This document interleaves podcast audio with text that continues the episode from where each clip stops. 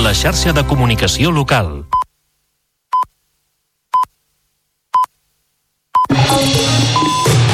Notícies en xarxa, edició matí. Amb Taís Trujillo. Bon dia. Dues persones continuen ingressades en estat crític per la caiguda d'un arbre pel fort vent en una atracció de PortAventura. L'accident ha passat al Tomahawk, una de les muntanyes russes infantils, i el sistema d'emergències mèdiques ha hagut d'atendre fins a 14 persones i 5 han estat derivades a l'hospital. La direcció de PortAventura afirma que el succés està al marge de l'operativa i manteniment de les instal·lacions, però s'obre el debat sobre els protocols a seguir en casos de climatologia adversa. Doncs així encapçalem el Notícies en xarxa d'aquest dilluns 12 de febrer i al punt de les 7 del matí repassem també altres titulars. Arrenca una nova setmana de protestes de pagesos i ramaders després de les marxes lentes de les darreres hores coincidint amb l'operació tornada del cap de setmana. Avui han convocat noves accions al Segrià i l'Urgell. Demà es concentraran a la Junquera, Mercabarna i al Port de Tarragona. El govern no preveu revertir les restriccions d'aigua i sortir de l'estat d'emergència al sistema Ter Llobregat, encara que els embassaments recuperen el llindar dels 100 hectòmetres cúbics. L'Agència Catalana de l'Aigua confirma a la xarxa que el plantejament només es faria en cas d'una forta llevantada o temporal que incrementés les reserves en escreix. El president del PP, Alberto Núñez Feijó, fa marxa enrere després d'haver obert la porta a l'indult a Carles Puigdemont si mostra penediment i es lliura la justícia espanyola. Després de la polseguera aixecada per les afirmacions en un míting de campanya a Galícia, el líder popular assegura hores després que l'amnistia és il·legal, inconstitucional i que trenca el principi d'igualtat. En esports ensopegada del Barça davant el penúltim classificat, el Granada, va empatar a 3 gràcies a una bona actuació de la Yamal, autor d'un doblet. Malgrat el gol inicial dels blaugrana, els andalusos van posar-se per davant en dues ocasions. Un gol de Lewandowski i un altre de Lamin en el minut 80 van rescatar un punt. I milers de persones han omplert els carrers de Sitges en la tradicional Rua de la Disbauxa i han participat una quarantena de carrosses encapçalades pel rei Carnestoltes i el seu seguíssim. Demà es veurà un altre dels punts àlgids d'aquest carnaval icònic amb la Rua de l'extermini. Repassats els titulars, ara obrim àrea de serveis. En primer lloc volem saber com se circula aquesta hora les 7 del matí per la xarxa viària catalana. Per tant, connectem amb el RAC i amb l'Àlex Huguet. Bon dia.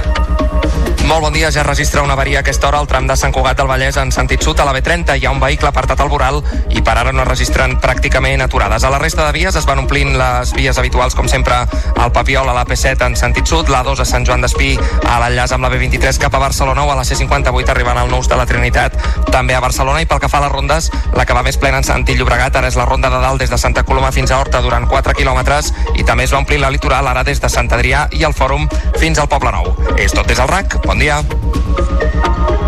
I tanquem portada amb la previsió del temps de cara a aquest dilluns. Eh, Lluís Miquel Pérez, bon dia. Bon dia, encetem una nova setmana que una altra vegada serà ben seca a casa nostra. De fet, aquest matí simplement tindrem alguns núvols que aniran entrant per les comarques de Ponent i sobretot a les de l'Alt Pirineu, ja aquest matí amb força vent, que de fet ha de continuar bufant a les comarques de Tarragona i arribant aproximadament fins a la Catalunya central i a la demarcació de Barcelona, cap a l'àrea metropolitana. Ja aquesta tarda és quan tindrem algun xafaguet, poca cosa i molt fugaç al Pirineu, també al nord de Girona i alguns núvols a la resta del nord del país. També a destacar aquesta tarda el vent molt fort que tindrem a les comarques de Tarragona, Pla de Lleida i fins a l'àrea metropolitana de Barcelona. Vent que farà pujar la temperatura respecte a ahir. Us seguirem a la xarxa.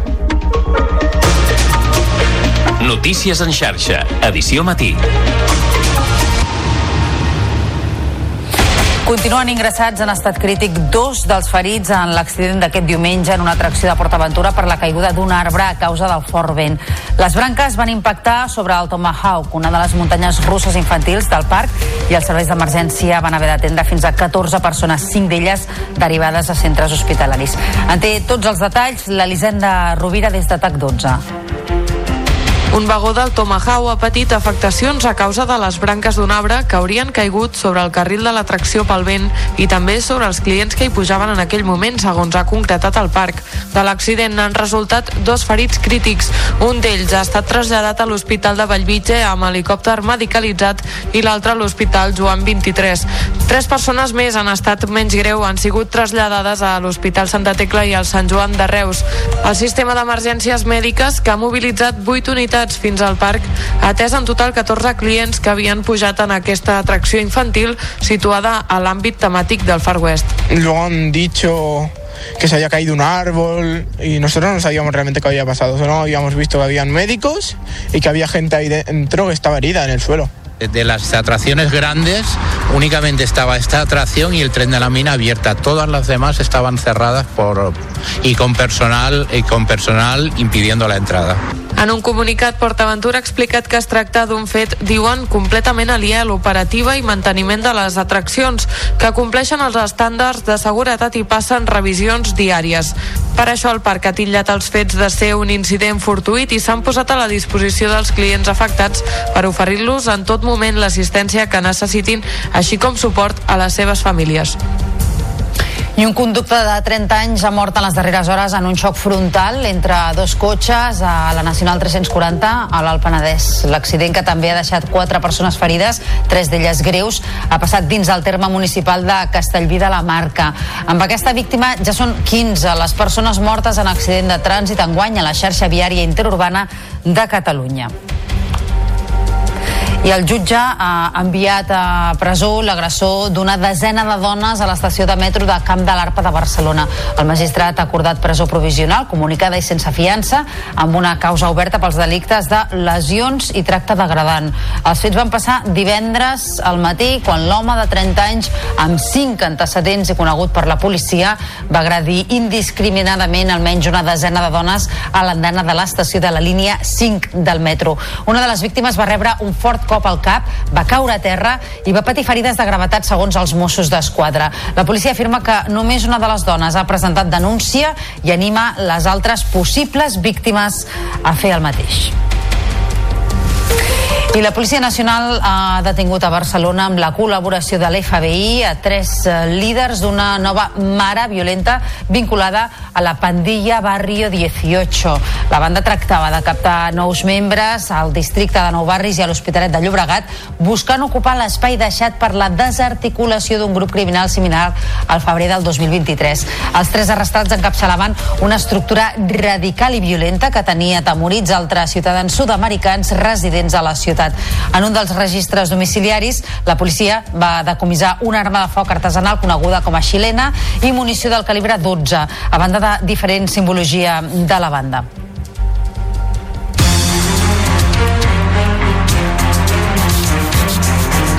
Set i set minuts del matí, nova setmana de protestes de pagesos i ramaders després dels talls de la mobilització massiva de la setmana passada a Barcelona. Avui han convocat talls de carretera i una marxa lenta de tractors al Segrià i l'Urgell. Demà han previst accions a la Jonquera, a Mercabarna i al Port de Tarragona. I tot plegat després que a les darreres hores desenes de tractors hagin participat en marxes lentes a carreteres com la C53 a l'Urgell, entre Anglesola i Tornabous, a diferents punts de la C16 al Berguedà i a la C55 al Bages. Unes marxes que han provocat algunes retencions coincidint amb la tornada del cap de setmana. El sector alerta que no s'aturaran fins que no obtinguin per escrit els compromisos adquirits. Nosaltres hem pogut parlar amb, amb tothom, quasi bé, amb la presidenta, el president, amb els partits polítics, eh, tots, tots bones cares, de moment bones paraules, no?, que tenen intenció de canviar, però que volem són els canvis, i com més aviat millor. La idea és continuar fins que el que estem demanant es porti a terme, o sigui, no, no, no, són, no ens quedem parats ara. I la Diputació de Barcelona ha publicat la primera guia pràctica per facilitar l'accés a la terra a emprenedors agraris, un document d'accés gratuït que pretén reactivar els sistemes agroalimentaris adreçant una de les problemàtiques principals al camp, el relleu generacional. Ens ho expliquen des de TV. La Diputació de Barcelona ha publicat la primera guia pràctica per facilitar l'accés a la terra a emprenedors agraris, un document d'accés gratuït que pretén reactivar els sistemes agroalimentaris adreçant una de les problemàtiques principals al camp, el relleu generacional. I és que en els darrers 20 anys l'índex de recanvi entre els pagesos més grans de 55 anys i els de menys de 35 ha baixat gairebé 4 punts. Una data que, si bé des de la cooperativa agrícola de Viladecans expliquen que es compensa parcialment gràcies a l'eficiència de les noves tecnologies, segueix sent insuficient. No, a veure, eh, de, de fet van baixant, però el que passa que es compensa que els pocs que hi han doncs van agafar més terreno. I la gent jove doncs, també vol anar amb el seu tractor gran que sàpiga que, que tira una línia i fa recta i, i, bueno, i, que, i que coses que, que abans doncs, no teníem i ara tenen.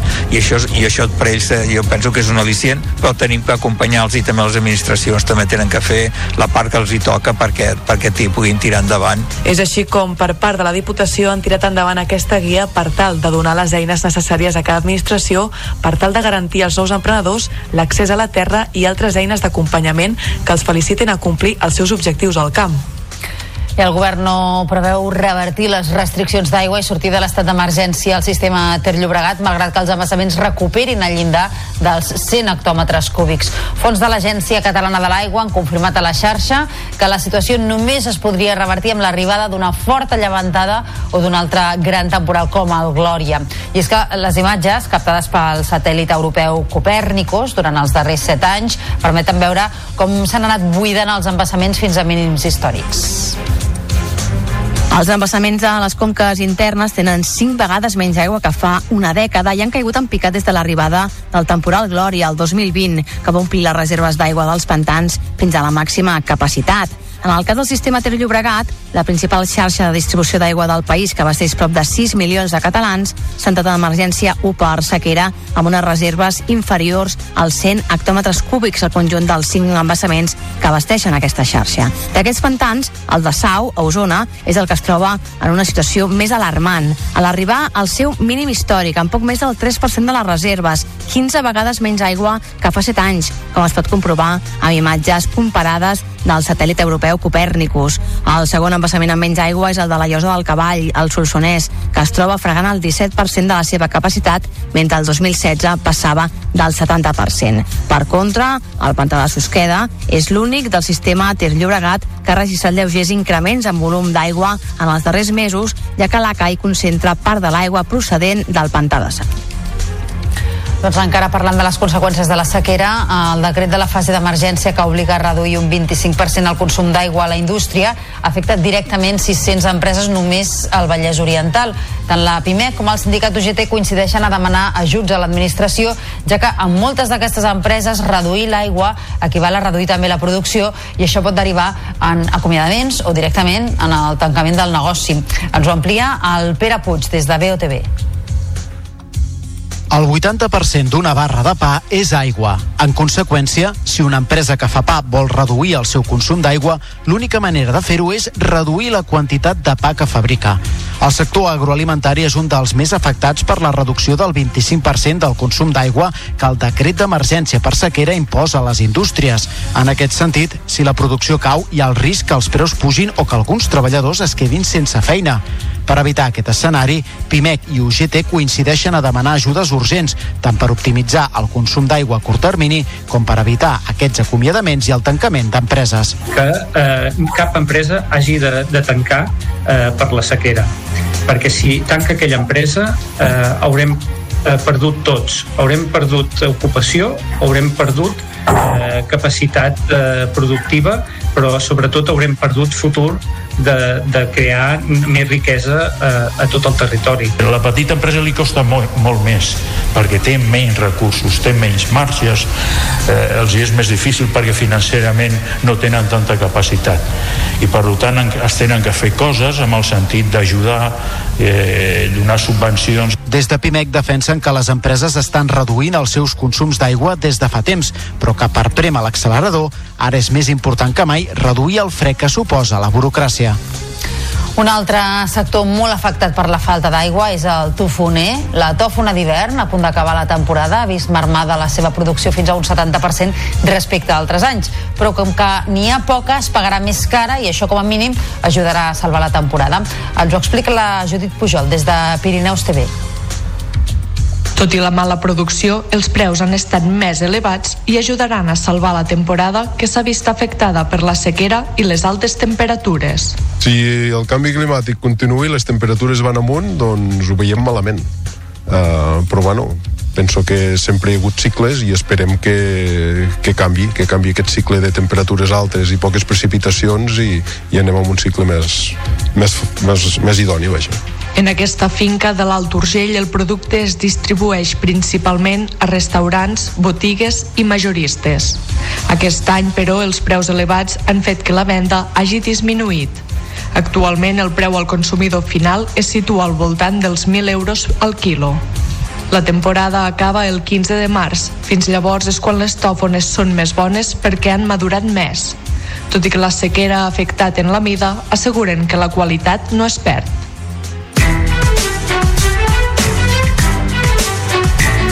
És ara un quart de vuit del matí. El president del Partit Popular, Alberto Núñez Feijóo, ha matisat la posició del partit sobre l'amnistia després de deixar la porta oberta a indultar Carles Puigdemont. El líder popular feia així marxa enrere poques hores després que fons del partit informessin que admetrien un indult amb condicions, com ara que Puigdemont i la resta d'exiliats se sotmetin a la justícia, mostrin paradiment i garanteixin que no es tornarà a la via unilateral. La informació ha generat unes crítiques que el PP s'ha afanyat a puntualitzar. Feijó ha anat més enllà i ho ha desmentit de forma categòrica, atribuint la polèmica a un intent d'enfangar la campanya de les eleccions gallegues. Dije que no y sigo diciendo que no a cualquier amnistía por dos razones. La primera, porque es ilegal, inconstitucional y porque rompe el principio de igualdad de todos los españoles. Dije y digo que no a cualquier tipo de indulto porque no se da ni una sola de las condiciones para ningún posible indulto. Si el independentismo quiere amnistía, ya tiene el señor Sánchez para que se la dé. Yo no. El bloc de pisos, ensorrat dimarts a Badalona i que va causar la mort de tres veïns, havia passat la IT, la Inspecció Tècnica d'Edificis, dues setmanes abans del sinistre. Aquesta revisió, obligada per edificis de més de 45 anys, només va observar tres deficiències lleus, a la façana i a la coberta de la taulada. Això ara planteja dubtes sobre la sensació de seguretat d'aquestes inspeccions i si realment permeten detectar problemes. Ho analitza la nostra companya Carme de Fez. La inspecció tècnica comprova zones comunes exteriors i interiors, com façanes, cobertes o patis. Però la revisió és visual. Difícilment es poden detectar problemes estructurals perquè solen estar camuflats amb falsos sostres o han estat reparats superficialment. Quasi mai veus l'estructura perquè sempre està per dins dels falsos sostres o per sota d'un enguixat i un pintat o en el cas dels pilars doncs segurament darrere una paret. Tu pots veure indicis, però mai eh, la, la causa. Si els indicis et porten a, que, a, a sospitar que aquella estructura pot estar malament, doncs es fan aquestes cales i tal. Tirar amb vans, aixecar terres o canviar distribucions poden causar problemes estructurals. Per això les obres han d'estar supervisades per professionals tècnics. Hi ha una certa tendència, uh, aquesta paret no és de càrrega, me la carrego. Aquí canviem el, el paviment, però en lloc de treure el vell i posar el nou, poso una rajola a sobre, doncs estàs sobrecarregant l'estructura. Sempre que hi hagi un tècnic que, que, que raoni el que s'ha de fer i el que no es pot fer. Si no se supera la inspecció, s'alerta als ajuntaments que hauran de fer-ne el seguiment i sancionar els propietaris si no s'arreglen els desperfectes.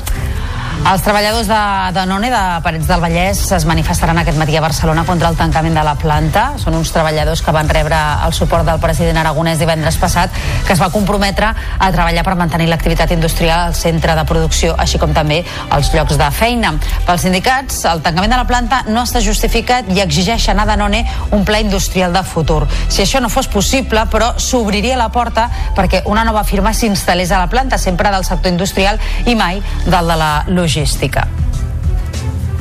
Només 3 de cada 10 grups de recerca a Catalunya, al País Valencià i a les Illes compten amb una dona com a investigadora principal segons un estudi de la Universitat Ramon Llull. Són dades que s'han conegut en el marc del Dia Internacional de les Dones i les Nenes en la Ciència, que s'ha celebrat aquest diumenge i que demostren que la paritat en el món científic i tecnològic encara és molt lluny. L'entitat AC Alzheimer Center Barcelona, però, és un exemple de tot el contrari. Té un equip de recerca format al 80% per dones i el 81% del seu equip directiu també és femení. Ha visitat el centre la Gisela Jimeno de la xarxa. Litziar de Rojas és genetista i conjuntament amb altres científiques treballa investigant factors de risc genètics de l'Alzheimer. Segons explica ella, no ha patit grans obstacles durant la seva trajectòria professional. Tot i així, és conscient que dins del món científic encara els homes predominen i les dones han de demostrar molt més les seves capacitats. Aquí en la empresa creo que no, o a mí no me ha pasado, pero sí que lo mismo que comentaba antes, ¿no? que según qué ideas tengas o qué soluciones quieras dar a ciertos problemas, pues no se te da tanta importancia como, como a un hombre. Malgrat això, l'Itziar encoratja a les nenes i les dones a dedicar-se al que els apassiona de veritat com ha fet ella. Pensaba que llegaría aquí, sí, y más.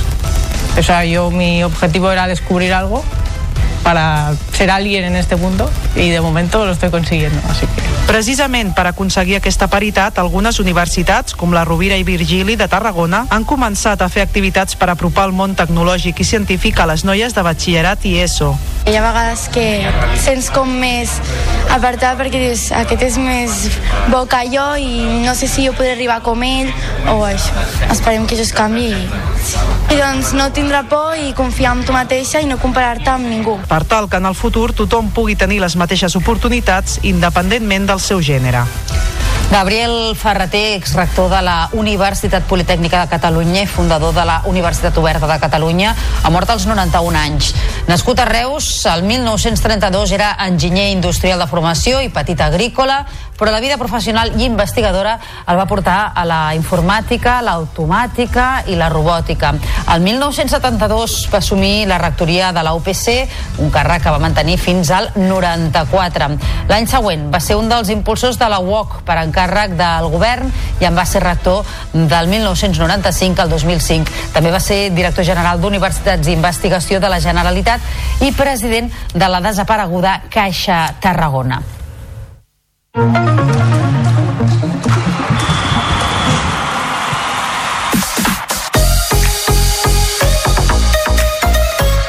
Ensopegada del Barça davant el penúltim classificat, el Granada, va empatar a 3 gràcies a una bona actuació de la Minja Mal, autor d'un doblet. Malgrat haver-se avançat amb una diana del Mataroní en el minut 14, els andalusos van posar-se per davant en dues ocasions. Un gol de Lewandowski i un altre de Lamin en el minut 80 van servir per rescatar un punt que serveix de poc als Blaugrana. Es mantenen tercers, però el Real Madrid s'allunya 10 punts i només en retallen un al Girona, que en suma 5 més. Xavi assenyalava els errors en defensa. Crec que el resum del partit avui són les concessions en defensa, on situacions on no hi havia ni perill. El segon gol és tremendo, és tremendo, no t'ho expliques. Jo crec que és una comunicació i pum, es pilota el pit i Ter Stegen i allà no ha passat res i acaba en gol. Doncs bé, jo crec que és un resum de la, de la temporada, no? Tu fas 3 gols avui a casa teva, el dia del Villarreal fas 3 gols, però clar, encaixes 5, avui 3, és molt difícil. I en bàsquet, el derbi català de la jornada va acabar amb victòria del Barça, que es va imposar al Baxi Manresa per 77 a 87 al nou Congost. Tot i que el primer quart va ser de domini blaugrana, la gran defensa dels de Pedro Martínez i el domini en el rebot ofensiu va posar força problemes als de Roger Grimau, que en cap moment van aconseguir tancar el partit, tot i arribar a una màxima diferència de 16 punts. L'encert en triples i la bona feina de Javari Parker amb 15 punts i del base Thomas Satoransky també amb 15 punts i un 24 de valoració van decantar la balança per al Barça. Tots dos equips es tornaran a veure les cares divendres en els quarts de final de la Copa del Rei. La penya va sumar la cinquena victòria seguida a la CB, va imposar-se al Bascònia per 78 a 81 i se situa en posicions de play-off. Andrés Feliz va ser de nou decisiu. Va anotar el triple que donava el triomf als badalonins després d'un gran partit en què va anotar un total de 27 punts, va agafar 8 rebots i va fer 7 assistències. I a la Lliga sobre el d'handbol, el Freaking Granollers va aconseguir una treballada victòria per la mínima sobre la Naitasuna per 32 a 31. Va ser un partit igualat en tot moment i amb diferències curtes al marcador. Bruno Reguant i Sergi Franco van ser els màxims anotadors dels ballesans amb 5 gols. Els granollerins són tercers a la classificació que lidera el Barça, encara imbatut a la competició. El Barça haurà més forat al capdavant de la classificació de l'hoquei Lliga d'Hoquei Patins. L'empat del Noia amb el Reus permet als Blaugrana ampliar fins als 18 punts l'avantatge. Els Edu Castro van imposar-se a la pista de l'Igualada per 2 a 6. El triomf, però, no va ser plàcid, ja que els de la Noia van arribar a situar-se a un gol de diferència. En el tram final, però, les dianes de Pau Bargalló i Joao Rodríguez van sentenciar el partit. L'important és que hem lluitat tot el partit. Qui miri el resultat sense veure el partit no, no és just. Per sensacions, per haver lluitat, per no decaure en cap moment del partit, doncs al final ens emportem aquestes bones uh, coses. Ha sigut un partit molt ajustat, uh, molt dur també, crec que s'ha competit, han competit molt bé l'Igualada i nosaltres hem fet el, el nostre partit, uh, al final Uh, juguem uh, els 50 minuts, uh, hem estat molt, molt intensos en aquests, en aquests 50 minuts i com dic, doncs al final hem pogut ampliar el marcador, però bueno, contents per, pel joc. El Girona i el Sant Celoni són els campions de les Copes Generalitat d'Hockey. Els ballesans es van imposar al Barça en la final masculina per 3 a 1 amb gols d'Àlex Arevalo, Joel Roma i Nil Folguera. Per altra banda, el conjunt gironí es va endur el trofeu en categoria femenina amb una victòria per la mínima sobre el Vigas i Riells amb una diana d'Ivet Jiménez. En rugby, la Sant Boiana ha quedat a les portes de la final de la Copa del Rei. Va perdre les semifinals contra el Burgos per 32 a 17. L'equip del Baix Llobregat va anar a remolc durant tot el partit i tot i que el marcador al descans era de 18 a 10, en la segona meitat no va poder controlar la intensitat del conjunt local. De la Torre va ser el jugador més destacat del conjunt català i va anotar 12 dels 17 punts.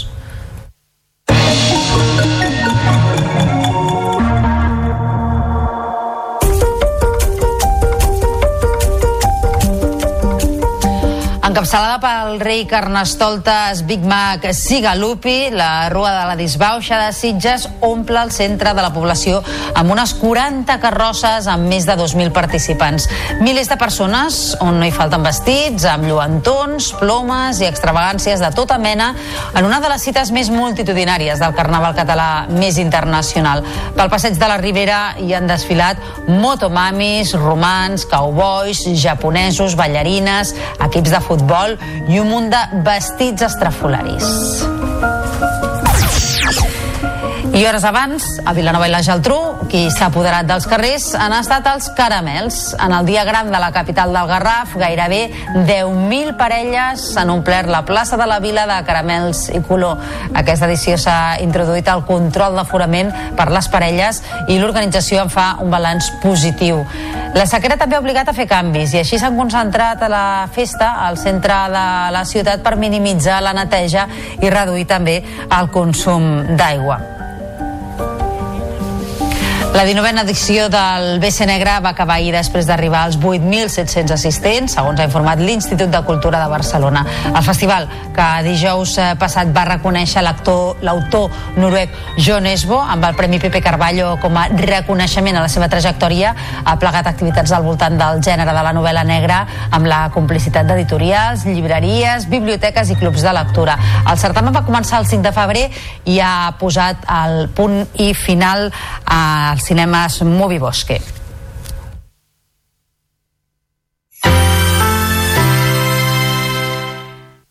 La xarxa de comunicació local. Torna la Magic Line del Sant Joan de Déu.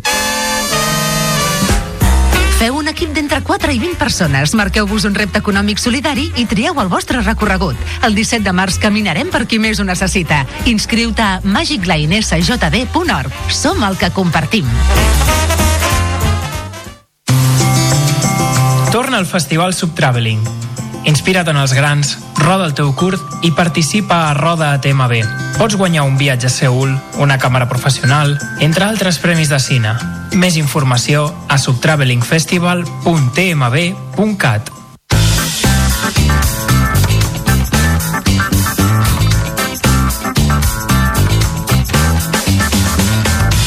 ¿Sabías que En el món de la bioluminescència marina hi ha un fenomen conegut com a marees vermelles luminescents. Aquestes marees vermelles són causades per la proliferació d'organismes microscòpics anomenats dinoflagel·lats bioluminescents. Quan aquestes petites criatures marines són pertorbades pel moviment de l'aigua o el xoc de les onades, emeten un resplendor brillant, crear un espectacle nocturn enlluernador a l'oceà. El que fa que aquest fenomen sigui encara més intrigant és que alguns d'aquests dinoflagel·lats bioluminescents són capaços de sincronitzar la seva resplendor en una dansa impressionant de llum. Quan es troben en grans concentracions, com durant una marea vermella bioluminescent, els patrons de llum que creen poden ser veritablement hipnotitzants. Les marees vermelles luminescents s'han observat a diversos llocs del món, des de la badia del Mosquit a Puerto Rico fins a la costa de Califòrnia. Aquest fenomen no sol ofereix un espectacle visual impressionant, sinó que també té un impacte ecològic important. Alguns científics creuen que la bioluminescència podria actuar com un mecanisme de defensa d'aquests organismes microscòpics en confondre els depredadors i atreure les possibles preses. Notícies en xarxa, edició matí. Amb Taís Trujillo. Bon dia, són dos quarts de vuit del matí i avui encapçalem el Notícies en xarxa explicant-vos que dues persones continuen ingressades en estat crític per la caiguda d'un arbre pel fort vent d'una atracció a PortAventura. L'accident ha passat al Tomahawk, una de les muntanyes russes infantils i el sistema d'emergències mèdiques ha hagut d'atendre fins a 14 persones i 5 han estat derivades a l'hospital.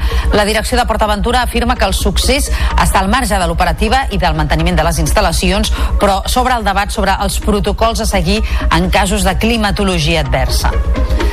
De seguida us ho ampliem, abans però repassem també la resta de titulars d'aquest dilluns 12 de febrer. Arrenca una nova setmana de protestes de pagesos i ramaders després de les marxes lentes de les darreres hores coincidint amb l'operació tornada del cap de setmana. Avui han convocat noves accions al Segrià i l'Urgell. Demà es concentraran a la Jonquera, Mercabarna i al Port de Tarragona.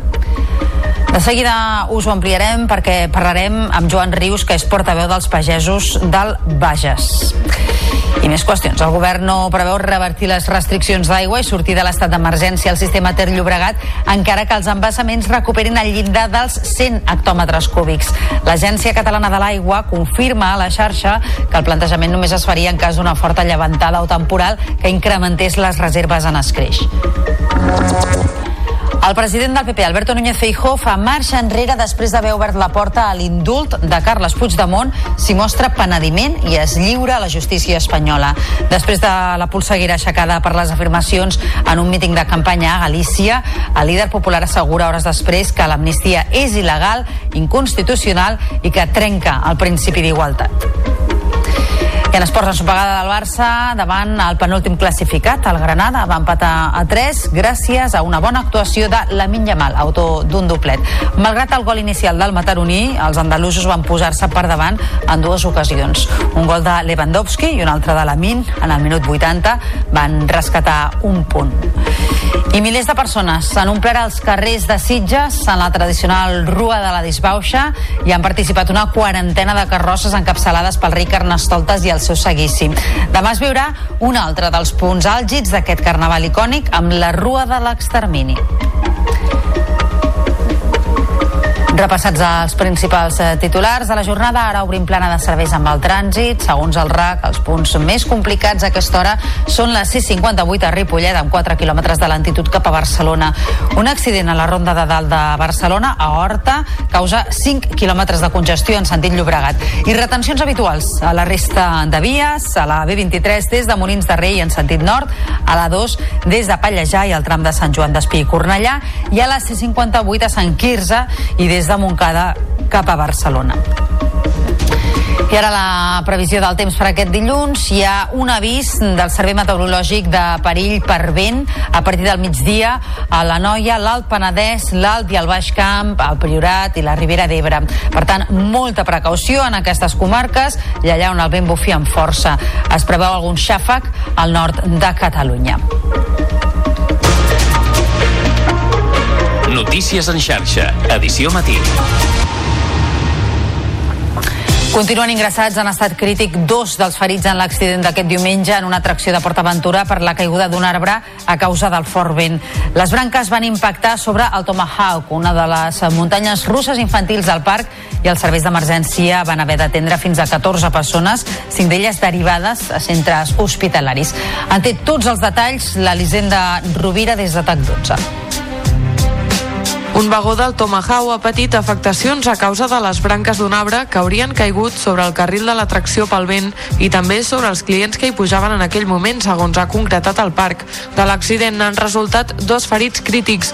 Un d'ells ha estat traslladat a l'Hospital de Vallvitge amb helicòpter medicalitzat i l'altre a l'Hospital Joan 23. Tres persones més han estat menys greu, han sigut traslladades a l'Hospital Santa Tecla i al Sant Joan de Reus. El sistema d'emergències mèdiques, que ha mobilitzat 8 unitats unitats fins al parc, atès en total 14 clients que havien pujat en aquesta atracció infantil situada a l'àmbit temàtic del Far West. Lo han dicho que se había caído un árbol y nosotros no sabíamos realmente qué había pasado, solo habíamos visto que habían médicos y que había gente ahí dentro que estaba herida en el suelo. De las atracciones grandes únicamente estaba esta atracción y el tren de la mina abierta, todas las demás estaban cerradas por y con personal y con personal impidiendo la entrada. En un comunicat, PortAventura ha explicat que es tracta d'un fet, diuen, completament aliè a l'operativa i manteniment de les atraccions, que compleixen els estàndards de seguretat i passen revisions diàries. Per això el parc ha titllat els fets de ser un incident fortuït i s'han posat a la disposició dels clients afectats per oferir-los en tot moment l'assistència que necessitin, així com suport a les seves famílies. Un conductor de 30 anys ha mort en les darreres hores en un xoc frontal entre dos cotxes a la Nacional 340 a l'Alt Penedès. L'accident que també ha deixat quatre persones ferides, tres d'elles greus, ha passat dins el terme municipal de Castellví de la Marca. Amb aquesta víctima ja són 15 les persones mortes en accident de trànsit enguany a la xarxa viària interurbana de Catalunya. I el jutge ha enviat a presó l'agressor d'una desena de dones a l'estació de metro de Camp de l'Arpa de Barcelona. El magistrat ha acordat presó provisional comunicada i sense fiança amb una causa oberta pels delictes de lesions i tracte degradant. Els fets van passar divendres al matí quan l'home de 30 anys amb 5 antecedents i conegut per la policia va agredir indiscriminadament almenys una desena de dones a l'andana de l'estació de la línia 5 del metro. Una de les víctimes va rebre un fort cop al cap, va caure a terra i va patir ferides de gravetat segons els Mossos d'Esquadra. La policia afirma que només una de les víctimes ha presentat denúncia i anima a les altres possibles dones atacades a fer el mateix, a denunciar. I la Policia Nacional ha detingut a Barcelona amb la col·laboració de l'FBI els tres líders d'una nova mare violenta vinculada a la pandilla Barrio 18. La banda tractava de captar nous membres al districte de Nou Barris i a l'Hospitalet de Llobregat buscant ocupar l'espai deixat per la desarticulació d'un grup criminal similar al febrer del 2023. Els tres arrestats encapçalaven una estructura radical i violenta que tenia atemorits altres ciutadans sud-americans residents a la ciutat. En un dels registres domiciliaris, la policia va decomissar una arma de foc artesanal, coneguda com a xilena, i munició del calibre 12, a banda de diferent simbologia de la banda.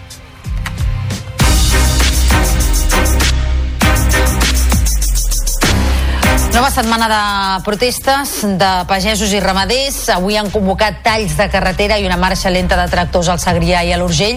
I demà hi ha previstes accions a la Jonquera, a Mercabarna i al Port de Tarragona. Tot plegat després que en les darreres hores desenes de tractors hagin participat en marxes lentes a carreteres a l'Urgell, al Berguedà i al Bages. En volem parlar de tot plegat amb Joan Rius, que és portaveu dels pagesos del Bages. Joan, molt bon dia. Bones, bon dia. Quina valoració en feu de les eh, mobilitzacions que es van aconseguir eh, registrar ahir a la tarda, tenint en compte sobretot que veníeu d'una setmana amb moltes mobilitzacions i que potser és difícil mantenir aquest ritme, no? Com, com han respost els pagesos i els agricultors per seguir eh, tallant carreteres o obstruint el trànsit? Bueno, doncs molt bé, uh, vull dir, la gent sap que hem de seguir uh, fent mobilitzacions, ens hem de seguir fent veure, hem de seguir fent que la gent entengui que estem aquí i que el que estem lluitant és una cosa important, que ens hi juguem molt i per tant seguirem endavant i tots els pagesos ho tenen molt clar. Què és el que teniu previst de cara a aquesta setmana? Bueno, aquesta setmana s'estan parlant moltes coses, hi ha algunes reunions preparades, uh, llavors, uh, com bé sabeu, hi ha mobilitzacions importants pel dia 13 des del sindicat d'Unió de Pagesos, i bueno, uh, donarem suport a aquestes mobilitzacions, òbviament, tots estem en la mateixa lluita, uh, i doncs seguir endavant i seguir mobilitzant-nos. Mhm. Hi ha voluntat també de sumar-vos a les protestes que es facin a Madrid sobre el mateix tema i amb les mateixes reivindicacions? Uh, no s'ha parlat, uh, però suposo que depèn de, de, no ho sé, la veritat que no s'ha parlat perquè ens queda molt enllà. Uh, les coses estan passant, diguem, molt ràpid, uh, hi ha molta feina a parlar i a fer i es anirà veient, sobre, uh mhm. -huh. suposo. Les mobilitzacions eh, es mantindran eh, fins quan? Fins que els compromisos estiguin per escrit, fins que es comencin a aplicar? Explica'ns una mica què és el que espereu un cop us heu reunit ja amb el president de la Generalitat i amb la presidenta del Parlament i us han fet certes promeses. Ara què és el proper que ha de passar per eh, deixar de mobilitzar-vos? Bueno, uh, clarament amb promeses no n'hi ha prou, volem fets, volem uh, coses reals, és a dir, uh, lleis firmades o fer el que calgui, coses que hagin canviat, sobretot en quant a aquells tres punts que nosaltres vam presentar quan vam entrar al Parlament, ja que pensem que ara són els que tenen més auge, més gre són els més greus, no? i hem de gestionar uh, immediatament. Per tant, fins que no aconseguim canviar alguna d'allò, no crec que parem. Uh -huh. Us han donat molta esperança de... El conseller ha fet declaracions eh, en aquest sentit sobre la possibilitat de que a curt termini eh, s'aixequin o, o, o es eh, redueix una mica aquestes restriccions d'aigua en el sector de l'agricultura i la ramaderia que de moment us imposa l'estat d'emergència en fase 1? Mm, uh, sí, s'ha fet declaracions, però com em dic que tot són paraules, això, jo no, no me'ls crec massa, vull dir que hem de seguir fins que tinguem algo realment sòlid. Mm -hmm. Què és el que estan implicant a dia d'avui, eh? perquè ja estan en vigor, aquestes restriccions eh, tan severes d'aigua per la ramaderia i per als pagesos?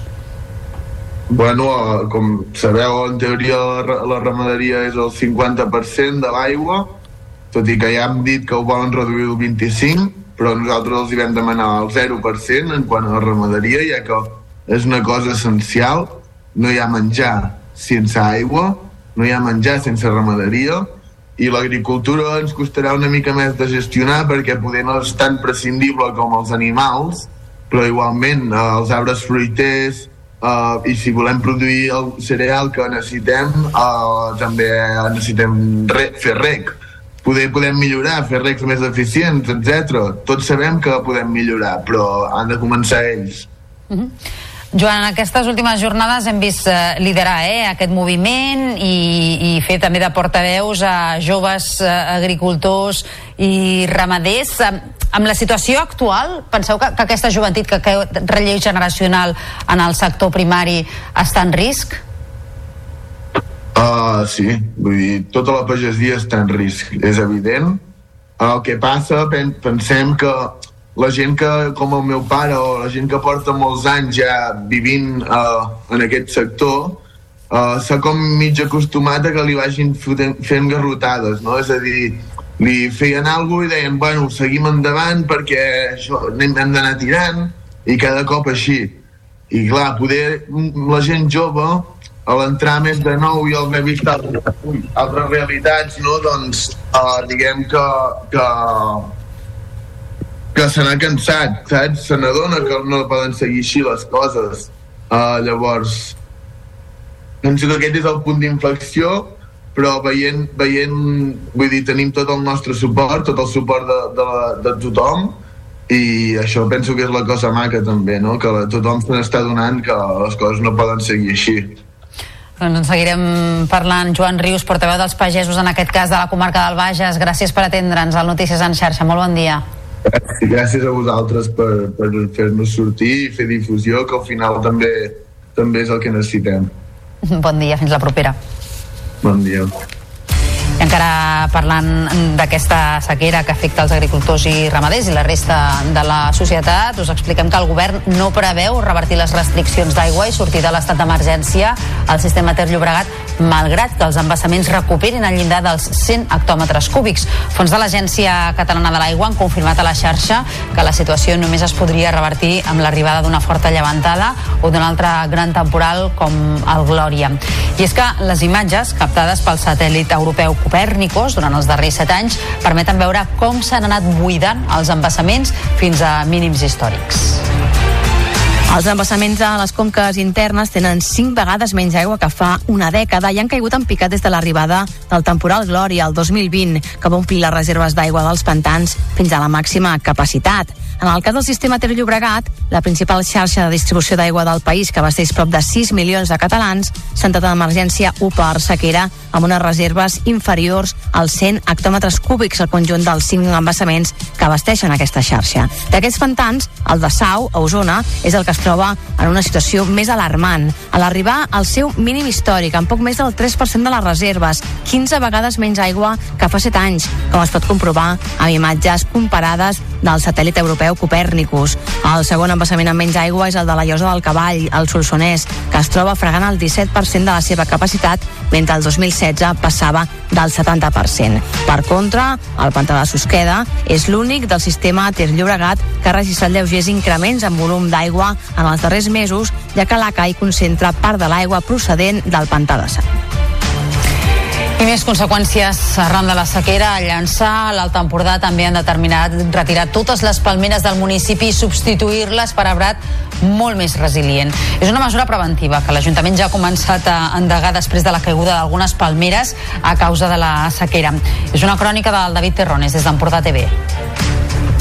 Aquesta resolució es va prendre arran de la caiguda de dos palmeres que va posar en alerta a l'Ajuntament. L'equip de govern ha decidit, eh, i ja no hi haurà volta enrere, en què anirem doncs, substituint totes les palmeres. En aquest cas, eh, a través dels, dels informes del tècnic jardiner, és veritat que n'hi ha algunes que estan eh, doncs, amb més risc que d'altres, però la nostra idea és acabar substituint sobretot totes les del passeig i totes les que hi hagi a llançar.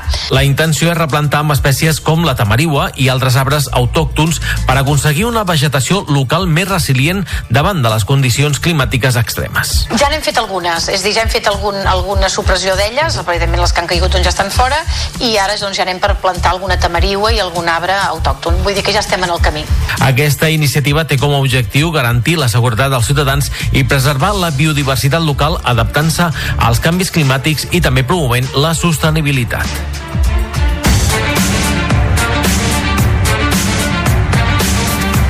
President del Partit Popular, Alberto Núñez Feijóo, ha matisat la posició del partit sobre l'amnistia després de deixar la porta oberta a indultar Carles Puigdemont.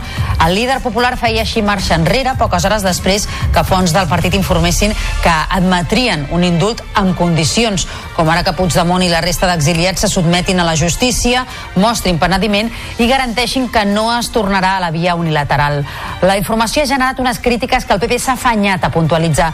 Feijóo ha anat més enllà i ho ha desmentit de forma forma categòrica, atribuint la polèmica a un intent d'enfangar la campanya de les eleccions gallegues.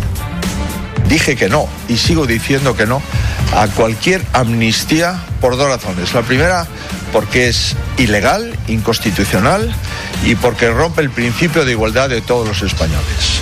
Dije y digo que no a cualquier tipo de indulto porque no se da ni una sola de las condiciones para ningún posible indulto. Si el independentismo quiere amnistía, ya tiene el señor Sánchez para que se la dé. Yo no. El bloc de pisos ensorrat dimarts a Badalona i que va causar la mort de tres veïns havia passat la IT, la inspecció tècnica d'edificis, dues setmanes abans del sinistre. Aquesta revisió, obligada pels edificis de més de 45 anys, només va observar tres deficiències lleus a la façana i a la coberta de la taulada. Això ara planteja dubtes sobre la sensació de seguretat d'aquestes inspeccions i si realment permeten detectar problemes. Ho analitza la nostra companya Carme de Fez. La inspecció tècnica comprova zones comunes exteriors i interiors, com façanes, cobertes o patis. Però la revisió és visual. Difícilment es poden detectar problemes estructurals perquè solen estar camuflats amb falsos sostres o han estat reparats superficialment. Quasi mai veus l'estructura perquè sempre està per dins dels falsos sostres o per sota d'un enguixat i un pintat o en el cas dels pilars doncs, segurament darrere una paret. Tu pots veure indicis, però mai eh, la, la causa. Si els indicis et porten a, que, a, a sospitar que aquella estructura pot estar malament, doncs es fan aquestes cales i tal. Tirar amb vans, aixecar terres o canviar distribucions poden causar problemes estructurals. Per això les obres han d'estar supervisades per professionals tècnics. Hi ha una certa tendència, uh, aquesta paret no és de càrrega, me la carrego. Aquí canviem el, el paviment, però en lloc de treure el vell i posar el nou, poso una rajola a sobre, doncs estàs sobrecarregant l'estructura. Sempre que hi hagi un tècnic que, que, que raoni el que s'ha de fer i el que no es pot fer. Si no se supera la inspecció, s'alerta als ajuntaments que hauran de fer-ne el seguiment i sancionar els propietaris si no s'arreglen els desperfectes. Gabriel Ferreter, exrector de la Universitat Politècnica de Catalunya i fundador de la Universitat Oberta de Catalunya, ha mort als 91 anys. Nascut a Reus, al 1932 era enginyer industrial i petit agrícola, però la vida professional investigadora el va portar a la informàtica, l'automàtica i la robòtica. El 1972 va assumir la rectoria de la UPC, càrrec que va mantenir fins al 1994. L'any següent va ser un dels impulsors de la UOC per encàrrec del govern i en va ser rector del 95 al 2005. També va ser director general d'Universitats d'Investigació de la Generalitat i president de la desapareguda Caixa Tarragona.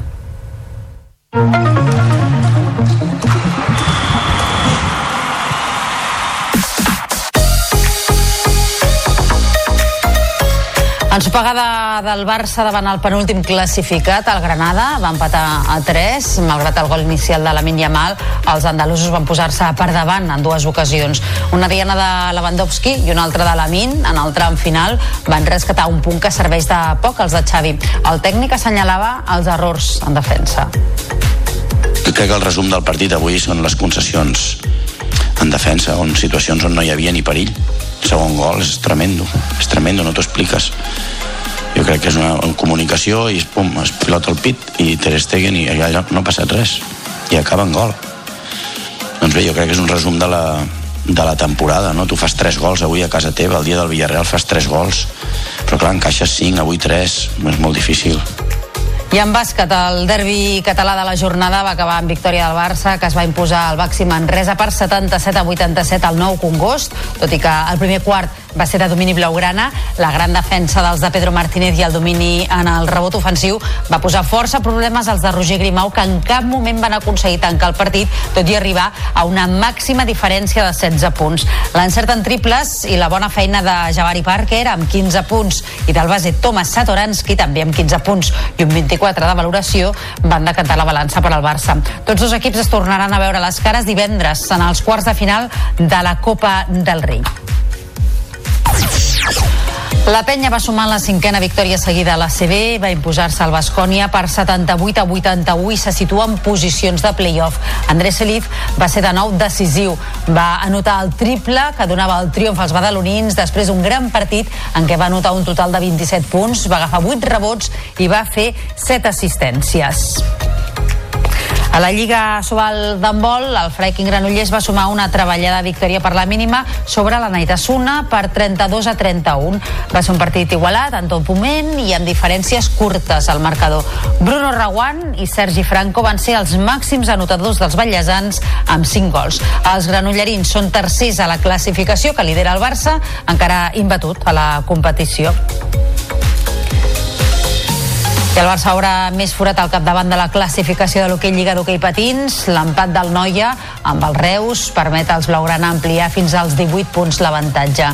Els Edu Castro van imposar-se a la pista de l'Igualada per 2 a 6 al triomf, però no va ser plàcid, ja que els de la noia van arribar a situar-se a un gol de diferència. En el tram final, però, les dianes de Pau Bargalló i Joao Rodríguez van sentenciar el partit. El jugador de l'Igualada, Guillem Torrents, i el blaugrana Sergi Llorca analitzaven el partit. L'important és que hem lluitat tot el partit.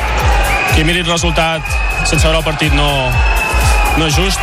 Per sensacions, per haver lluitat, per no decaure en cap moment del partit, doncs al final ens emportem aquestes bones uh, coses. Ha sigut un partit molt ajustat, uh, molt dur també, crec que s'ha competit, han competit molt bé l'Igualada i nosaltres hem fet el, el nostre partit, uh, al final uh, juguem uh, els 50 minuts, uh, hem estat molt, molt intensos en aquests, en aquests 50 minuts i com dic, doncs al final hem pogut ampliar el marcador, però bueno, contents per, pel joc. El Girona i el Sant Celoni són els campions de les Copes Generalitat d'Hockey. Els ballesans es van imposar al Barça en la final masculina per 3 a 1 amb gols d'Àlex Arevalo, Joel Roma i Nil Folguera. Per altra banda, el conjunt gironí es va endur el trofeu en categoria femenina amb una victòria per la mínima sobre el Vigues i Riells amb una diana d'Ivet Jiménez. En rugby, la Sant Boiana ha quedat a les portes de la final de la Copa del Rei. Va perdre les semifinals contra el Burgos per 32 a 17. L'equip del Baix eh, Llobregat va anar a remolc durant tot el partit i tot i que el marcador al descans era de 18 a 10, en la segona meitat no va poder controlar la intensitat del conjunt local. De la Torre va ser el jugador més destacat del conjunt català i va anotar 12 dels 17 punts. 28.000 atletes van córrer la mitja marató de Barcelona que va acabar amb doble triomf canià. La corredora Jeb Kosgei va superar el rècord de la prova aturant el cronòmetre amb una marca d'una hora, 4 minuts i 29 segons. En categoria masculina, la victòria va ser per a Kibiwot Kandi, que va aturar el cronòmetre en 59 minuts i 22 segons. La mitja barcelonina va establir un nou rècord d'inscrits amb un 40% d'internacionals i també de dones i joves.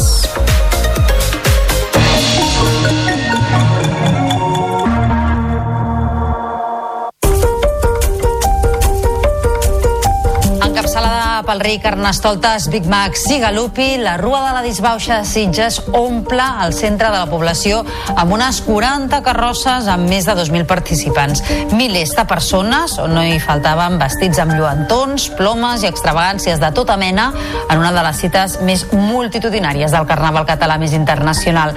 Pel passeig de la Ribera hi han desfilat motomamis, romans, cowboys, japonesos, batucades, ballarines, equips de futbol i un munt de vestits estrafolaris.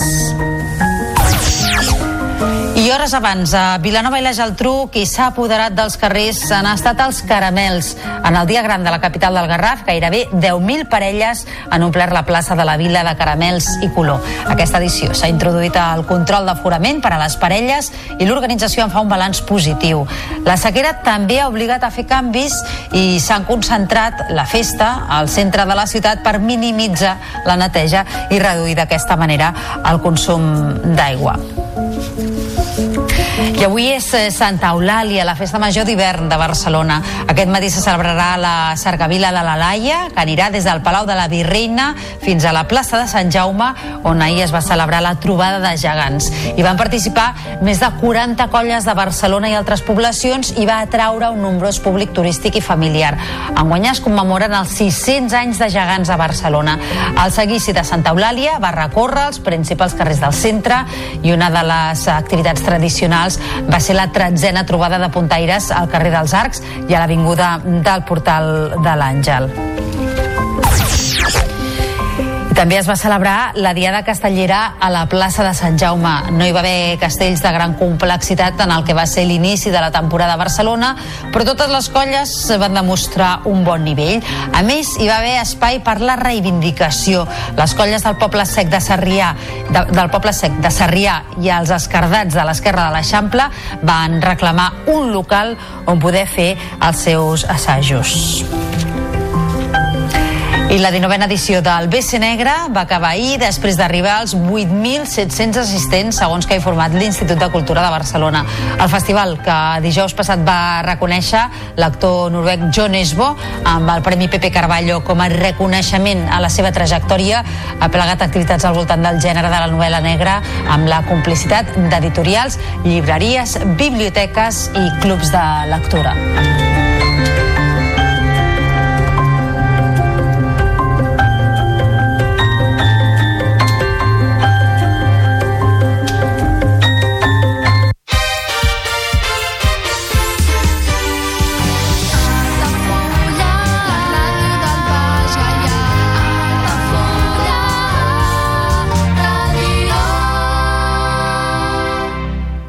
Ja coneixes les propostes que t'ofereix el Club Marítim Altafulla? Vine i descobreix totes les nostres activitats. Sortides en caia, copà del surf, cursos de vela per a totes les edats. No t'ho perdis. Club Marítim Altafulla. Obert tot l'any i per a tothom. Comunions 2024. Dates ja disponibles amb sales privades, jardí, pàrquing privat i la millor gastronomia. Més informació i reserves al 977 65 11 55 i a comercial arroba altafullamarotel.com o al web altafullamarahotel.com. Les teves celebracions familiars a l'Altafulla Mar Hotel. Ei, des de que he arribat que no faig més que donar voltes. Ei, creus que no he notat que últimament ja no m'escoltes? Però tot s'arregla molt de pressa quan engegues la banyera. Regalim amb gotes d'aigua i es difumina el teu reflexe.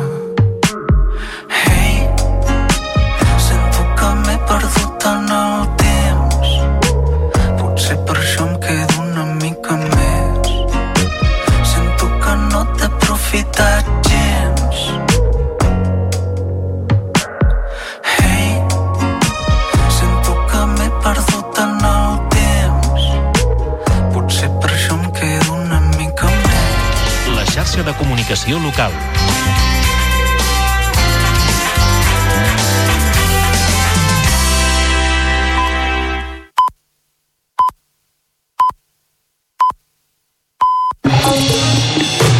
Notícies en xarxa, edició matí. Amb Taís Trujillo. Bon dia. Dues persones continuen ingressades en estat crític per la caiguda d'un arbre pel fort vent en una atracció de PortAventura. L'accident ha passat al Tomahawk, una de les muntanyes russes infantils, i el sistema d'emergències mèdiques ha hagut d'atendre fins a 14 persones i 5 han estat derivades a l'hospital. La direcció de PortAventura afirma que el succés està al marge de l'operativa i manteniment de les instal·lacions, però s'obre el debat sobre els protocols a seguir en casos de climatologia adversa. Així encapçalem el Notícies en xarxa d'aquest dilluns, dia 12 de febrer, i al punt de les 8 del matí repassem la resta de titulars. Arrenca una nova setmana de protestes de pagesos i ramaders després de les marxes lentes de les darreres hores coincidint amb l'operació tornada del cap de setmana.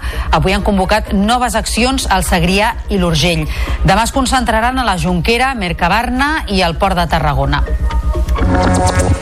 També protesten els treballadors de Danone, de Parets del Vallès, que es manifesten aquest matí a Barcelona contra el tancament de la planta i es concentraran davant la seu de la companyia a la capital catalana. D'aquí a uns minuts parlarem amb David Caurín, el secretari general de Comissions Obreres d'Indústria del Vallès Oriental, el Maresme i Osona.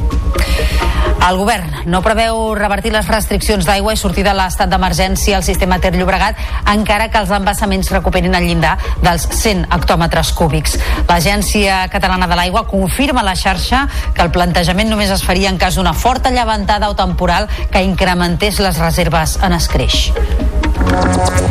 El president del PP, Alberto Núñez Feijóo, fa marxa enrere després d'haver obert la porta a l'indult de Carles Puigdemont si mostra penediment i es lliura a la justícia espanyola. Després de la polseguera aixecada per les afirmacions en un míting de campanya a Galícia, el líder popular assegura hores eh, després que l'amnistia és il·legal, inconstitucional i que trenca el principi d'igualtat. En esports, ensopegada del Barça davant el penúltim classificat, el Granada va empatar a 3 gràcies a una bona actuació de Lamin Yamal, autor d'un doblet.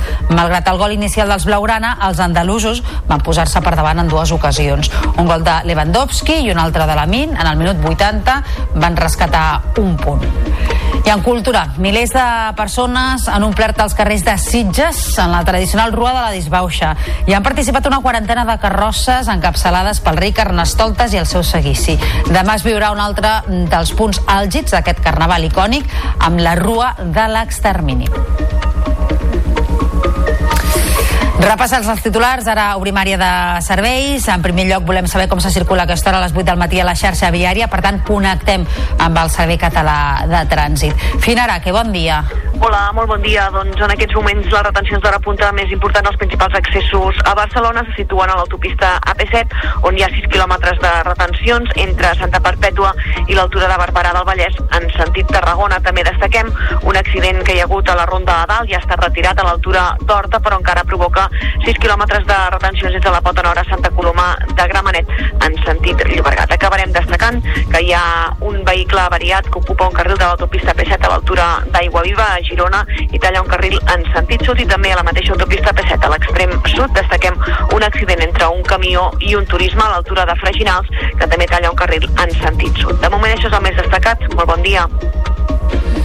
I ara la previsió del temps de cara a aquest eh, dilluns. Lluís Miquel Pérez, molt bon dia. Setmana amb poca aigua, però que arrenca amb ventades, eh?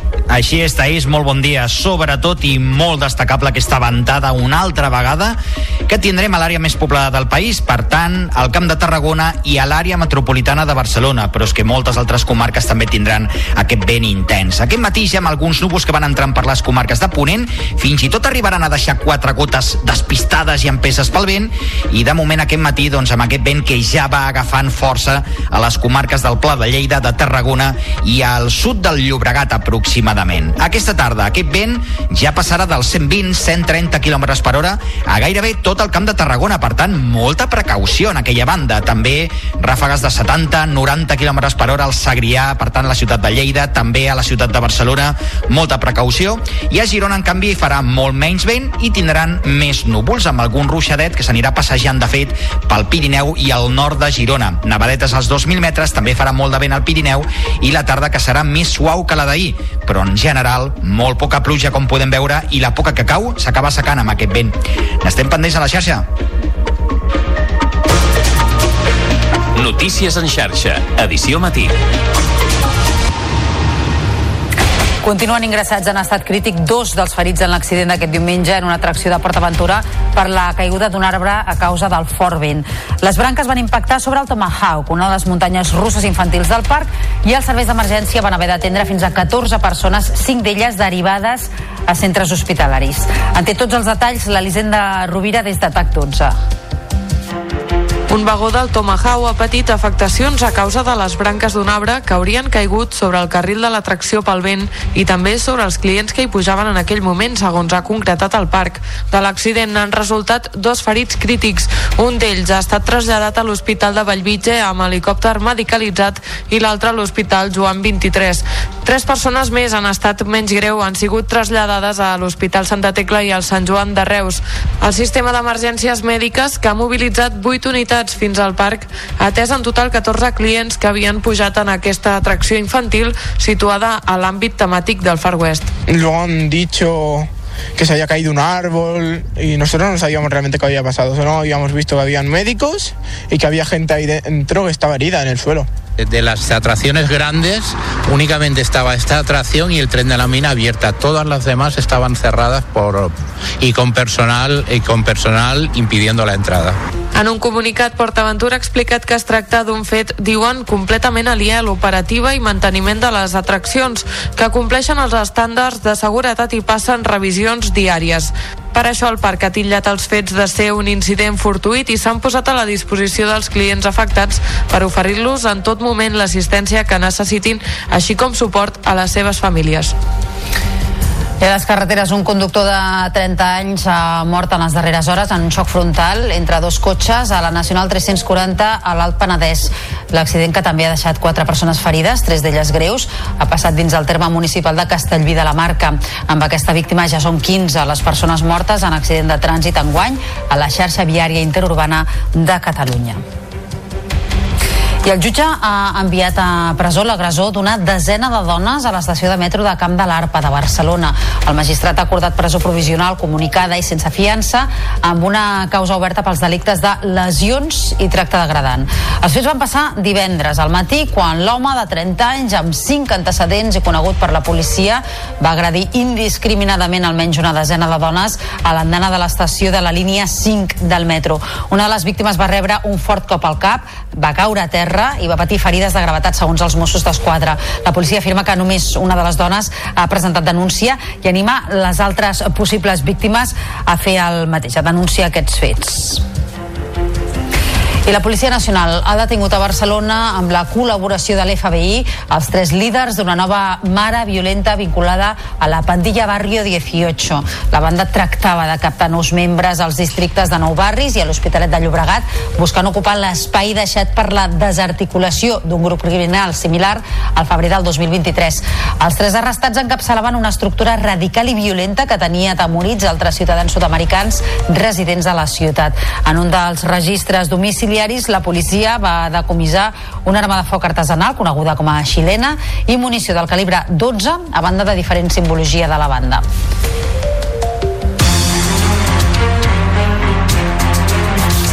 8 i 8 minuts ara del matí, nova setmana de protestes de pagesos i ramaders després dels talls i de la mobilització massiva de la setmana passada a Barcelona. Avui han convocat talls de carretera i una marxa lenta de tractors al Segrià i l'Urgell. Demà s'han previst accions a la Junquera, Mercabarna i al Port de Tarragona. I tot plegat, després que en les darreres hores desenes de tractors hagin participat en marxes lentes a carreteres com la C53 a l'Urgell, entre Anglesola i Tornabous, a diferents punts de la C16 al Berguedà i a la C55 al Bages. Unes marxes que han provocat algunes retencions coincidint amb la tornada del cap de setmana. El sector adverteix que vol fets i no paraules i deixa clar que mentre res canvi les protestes estan garantides. Ho acaba de dir a la xarxa Joan Rius, que és portaveu dels pagesos del Bages i un dels que va interlocutar amb la presidenta del Parlament la setmana passada.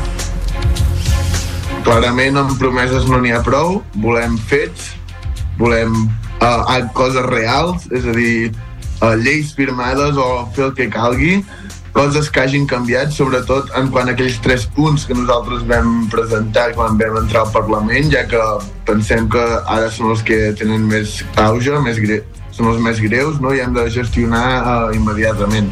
Per tant, fins que no aconseguim canviar alguna d'allò, no crec que parem i que també el govern eh, no preveu revertir les restriccions eh, d'aigua i sortir de l'estat d'emergència al sistema Ter Llobregat, malgrat que els embassaments recuperen el llindar dels 100 hectòmetres cúbics. Fons de l'Agència Catalana de l'Aigua han confirmat a la xarxa que la situació només es podria revertir amb l'arribada d'una forta llevantada o d'un altre gran temporal com el Glòria. I és que les imatges captades pel satèl·lit europeu Copernicus durant els darrers set anys permeten veure com s'han anat buidant els embassaments fins a mínims històrics. Els embassaments a les conques internes tenen cinc vegades menys aigua que fa una dècada i han caigut en picat des de l'arribada del temporal Glòria el 2020, que va omplir les reserves d'aigua dels pantans fins a la màxima capacitat. En el cas del sistema Ter Llobregat, la principal xarxa de distribució d'aigua del país, que abasteix prop de 6 milions de catalans, s'ha entrat en emergència 1 per sequera amb unes reserves inferiors als 100 hectòmetres cúbics al conjunt dels 5 embassaments que abasteixen aquesta xarxa. D'aquests pantans, el de Sau, a Osona, és el que es troba en una situació més alarmant. A l'arribar al seu mínim històric, amb poc més del 3% de les reserves, 15 vegades menys aigua que fa 7 anys, com es pot comprovar amb imatges comparades del satèl·lit europeu Copernicus. El segon embassament amb menys aigua és el de la Llosa del Cavall, el Solsonès, que es troba fregant el 17% de la seva capacitat, mentre el 2016 passava del 70%. Per contra, el pantà de Susqueda és l'únic del sistema Ter Llobregat que ha registrat lleugers increments en volum d'aigua en els darrers mesos, ja que la CAI concentra part de l'aigua procedent del pantà de Sant. I nova manifestació avui dels treballadors de Danone de Parets del Vallès per mirar d'evitar el tancament de la planta. La manifestació arrencarà a dos quarts de deu del matí a l'estació de Sants, a Barcelona, i marxarà fins a la seu central de l'empresa que està al carrer Buenos Aires de la capital catalana. En parlem d'aquest eh, possible tancament en David Caurín, que és secretari general de Comissions Obreres d'Indústria del Vallès Oriental, el Maresme i Osona, i que de fet està en trànsit cap a Barcelona per assistir a aquesta protesta protesta que es farà aquest matí. Senyor Caurín, molt bon dia. Hola, bon dia, Tais. La, la prioritat dels treballadors de Danone i del comitè d'empresa és mirar d'evitar el tancament d'aquesta planta de parets. A hores d'ara, i per la informació que tenen, com és de realista aquest objectiu? A veure, és una decisió no?, que han pres des de Danone Espanya i nosaltres ens oponem rotundament a aquesta decisió. Uh, clar, quan una empresa multinacional pren aquesta decisió és complicat, però també és cert que les lluites les tenim que lluitar, perquè si no ja estan vençudes. I nosaltres com a comissions obreres ho tenim clar, que això fins que no arribi l'últim segon n'hi ha molt que parlar encara. Uh -huh. Han tingut ja algun contacte amb l'empresa, però les negociacions oficialment encara no han arrencat, no? I de fet aquesta setmana hi tindran dues reunions. Què és el que esperen d'aquests propers dies? Efectivament, oficialment, la, o sigui, uh, Danone el que pren són tres mesos abans de, de començar aquest expedient de regulació d'emple, vale? i el que fa és mirar d'arribar a acords vale? per encaminar aquesta situació i ja, quan més o menys ho poden tenir encaminat, ja posar sobre la taula aquest expedient de regulació, aquest ERO. És a dir, aquests acords que busca l'empresa són ja directament per, per buscar condicions de sortida de treballadors. Efectivament, o sigui, eh, el que volen fer és el que van fer Astúries, més o menys. Volen tancar la planta de parets, com van tancar la d'Astúries, i el que volen fer és més o menys el mateix. Nosaltres no estem d'acord. No estem d'acord perquè aquesta decisió no s'ha pres a Europa. O sigui, n'hi ha un comitè europeu que aquesta decisió allà no s'ha pres per això encara tenim indicis de que es pot, es, es pot tirar enrere aquesta decisió. Mhm. I lluitarem, lluitarem fins al final. Uh -huh. On s'ha pres la decisió i, i en base a quins criteris? Perquè eh, per part dels de, sindicats eh, consideren que el tancament objectivament no està justificat. Efectivament, i està justificat el que demanem a, a, a Danone és que tingui futur la planta de parets, perquè ni hi té futur van fer, van fer, van posar calés, van fer una industrialització, van portar feina aquí a Parets i no pot ser que ara se la vulguin un altre cop emportar.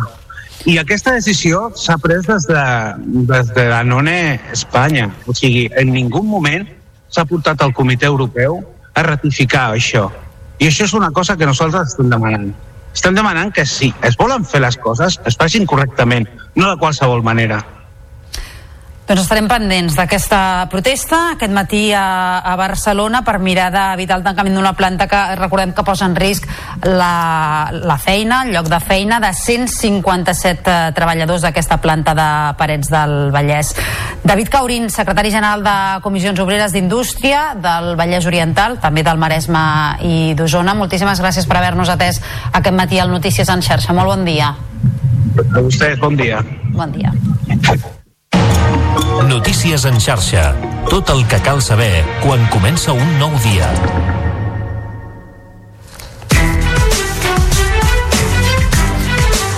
President del Partit Popular, Alberto Núñez Feijó, ha matisat la posició del partit sobre l'amnistia després de deixar la porta oberta a indultar Carles Puigdemont.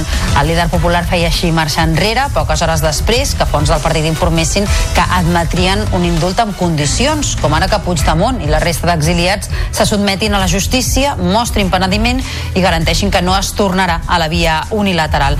La informació ha generat unes crítiques que el PP s'ha afanyat a puntualitzar. Feijó ha anat més enllà enllà i ho ha desmentit de forma categòrica, atribuint la polèmica a un intent d'enfangar la campanya de les eleccions gallegues.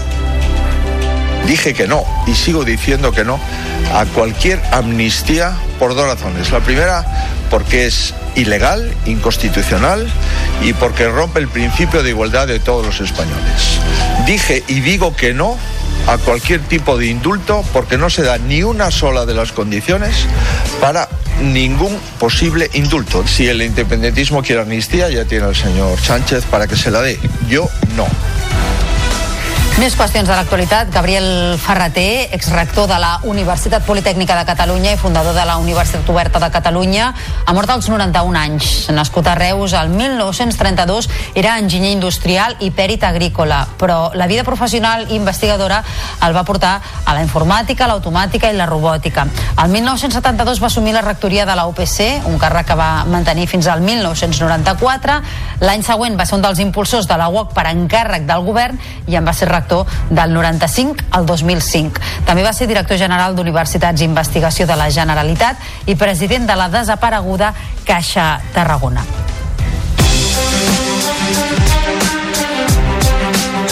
Passen ara dos minuts d'un quart de nou del matí. El bloc de pisos ensorrat dimarts passat a Badalona i que va causar la mort de tres veïns havia passat la ITE, la Inspecció Tècnica d'Edificis, dues setmanes abans del sinistre. Aquesta revisió, obligada per edificis de més de 45 anys, només va observar tres deficiències lleus, a la façana i a la coberta de la taulada. Això ara planteja dubtes sobre la sensació de seguretat d'aquestes inspeccions i si realment permeten detectar problemes. Ens ho explica la Carme de Fez. La inspecció tècnica comprova zones comunes exteriors i interiors, com façanes, cobertes o patis. Però la revisió és visual. Difícilment es poden detectar problemes estructurals perquè solen estar camuflats amb falsos sostres o han estat reparats superficialment. quasi mai veus l'estructura perquè sempre està per dins dels falsos sostres o per sota d'un enguixat i un pintat o en el cas dels pilars doncs segurament darrere una paret tu pots veure indicis, però mai eh, la, la causa. Si els indicis et porten a, que, a, a sospitar que aquella estructura pot estar malament, doncs es fan aquestes cales i tal. Tirar amb vans, aixecar terres o canviar distribucions poden causar problemes estructurals. Per això les obres han d'estar supervisades per professionals tècnics. Hi ha una certa tendència, uh, aquesta paret no és de càrrega, me la carrego. Aquí canviem el, el paviment, però en lloc de treure el vell i posar el nou, poso una rajola a sobre. Doncs estàs sobrecarregant l'estructura. Sempre que hi hagi un tècnic que, que, que raoni el que s'ha de fer i el que no es pot fer. Si no se supera la inspecció, s'alerta als ajuntaments que hauran de fer-ne el seguiment i sancionar els propietaris si no s'arreglen els desperfectes. Només 3 de cada 10 grups de recerca a Catalunya, al País Valencià i a les Illes Balears compten amb una dona com a investigadora principal, segons un estudi de la Universitat Ramon Llull. Són dades que s'han conegut en el marc del Dia Internacional de les Dones i les Nenes en la Ciència, que s'ha celebrat aquest diumenge, i que demostren que la paritat en el món científic i tecnològic encara és molt lluny. L'entitat AC Alzheimer Center Barcelona, però, és un exemple de tot el contrari. Té un equip de recerca format al 80% per dones i el 81% del seu equip directiu també és femení. Ha visitat aquest centre la Gisela Jimeno.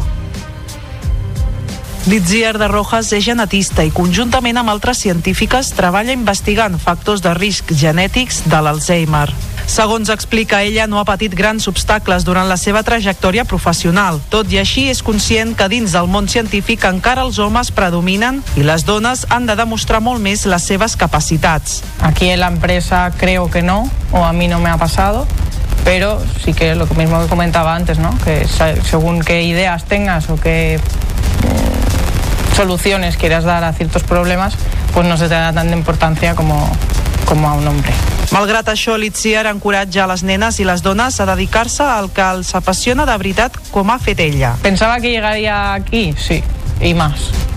O sea, yo mi objetivo era descubrir algo para ser alguien en este mundo y de momento lo estoy consiguiendo, así que... Precisament per aconseguir aquesta paritat, algunes universitats, com la Rovira i Virgili de Tarragona, han començat a fer activitats per apropar el món tecnològic i científic a les noies de batxillerat i ESO. Hi ha vegades que sents com més apartat perquè dius, aquest és més bo que jo i no sé si jo podré arribar com ell o això. Esperem que això es canvi i, i doncs no tindre por i confiar en tu mateixa i no comparar-te amb ningú. Per tal que en el futur tothom pugui tenir les mateixes oportunitats independentment del seu gènere.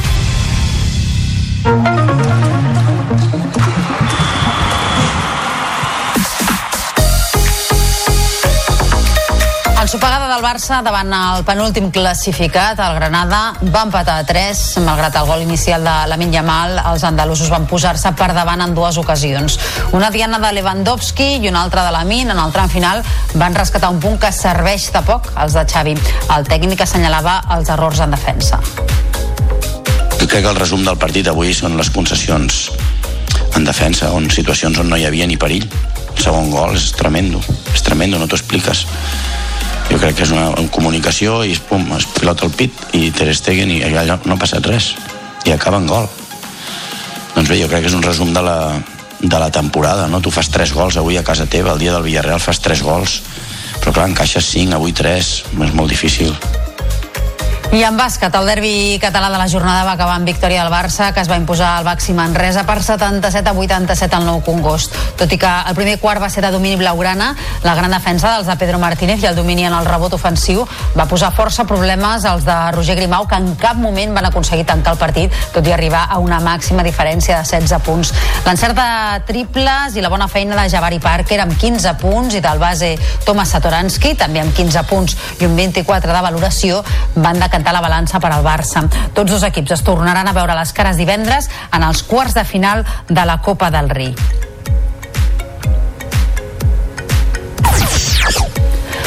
La penya va sumar la cinquena victòria seguida a la CB, va imposar-se al Bascònia per 78 a 81 i se situa en posicions de playoff.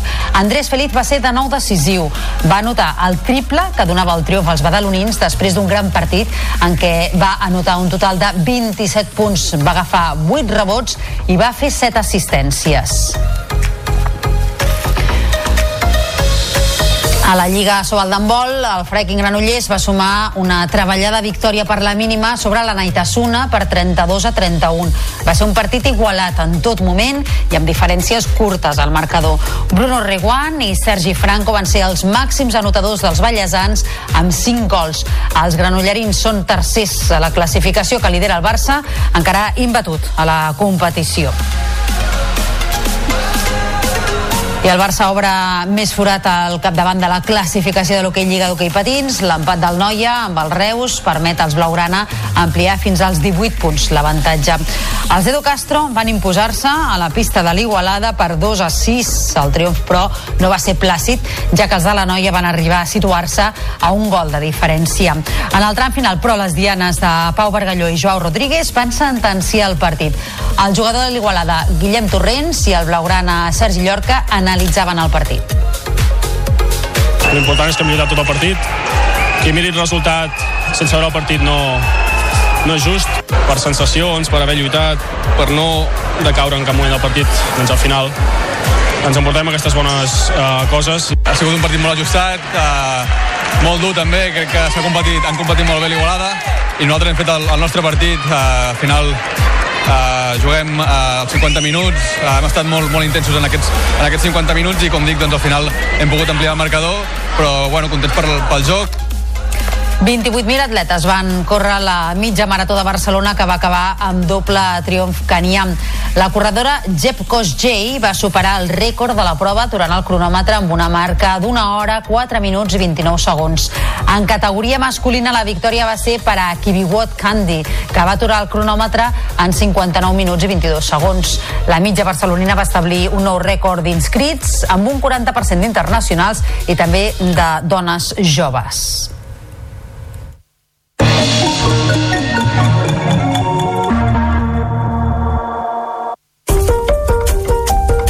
Encapçalada pel rei Carnestoltes Big Mac Sigalupi, la Rua de la Disbauxa de Sitges omple el centre de la població amb unes 40 carrosses amb més de 2.000 participants.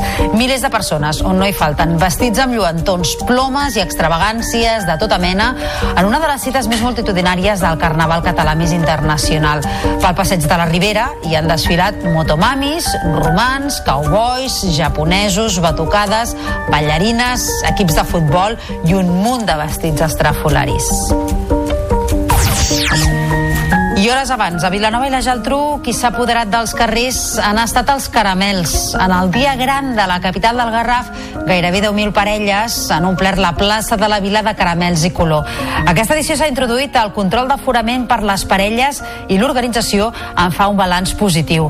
La sequera també ha obligat a fer canvis i així s'ha concentrat la festa al centre de la ciutat per minimitzar la neteja i reduir d'aquesta manera el consum d'aigua.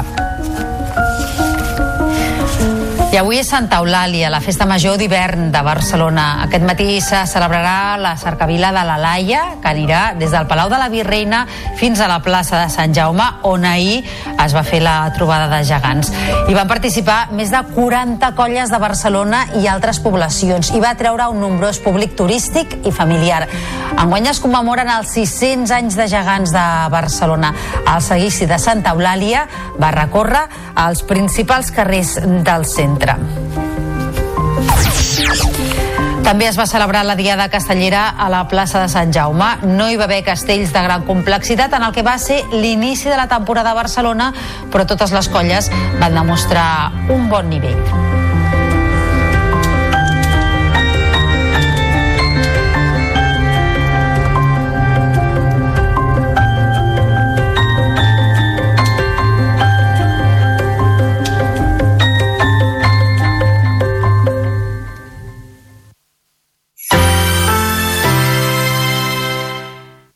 La xarxa de comunicació local.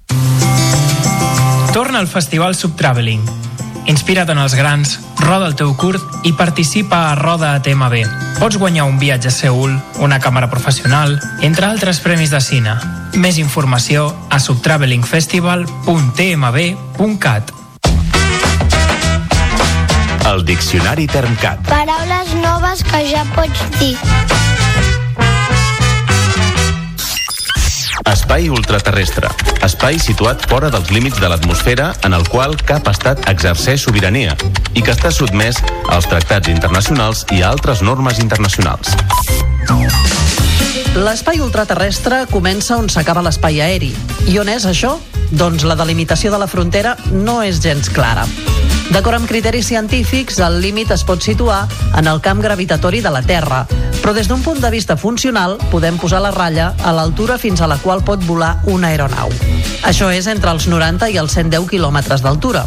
Espai ultraterrestre és un terme sintagmàtic on la base espai, que seria una reducció del que el diccionari normatiu es recull com a espai còsmic, s'hi afegeix l'adjectiu terrestre, relatiu o pertanyent a la Terra, amb el prefix ultra, que vol dir més enllà.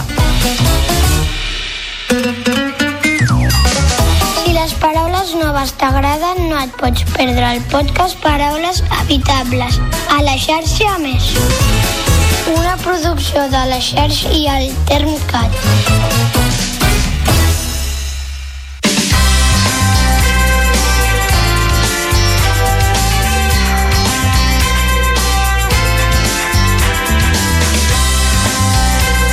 La xarxa de comunicació local.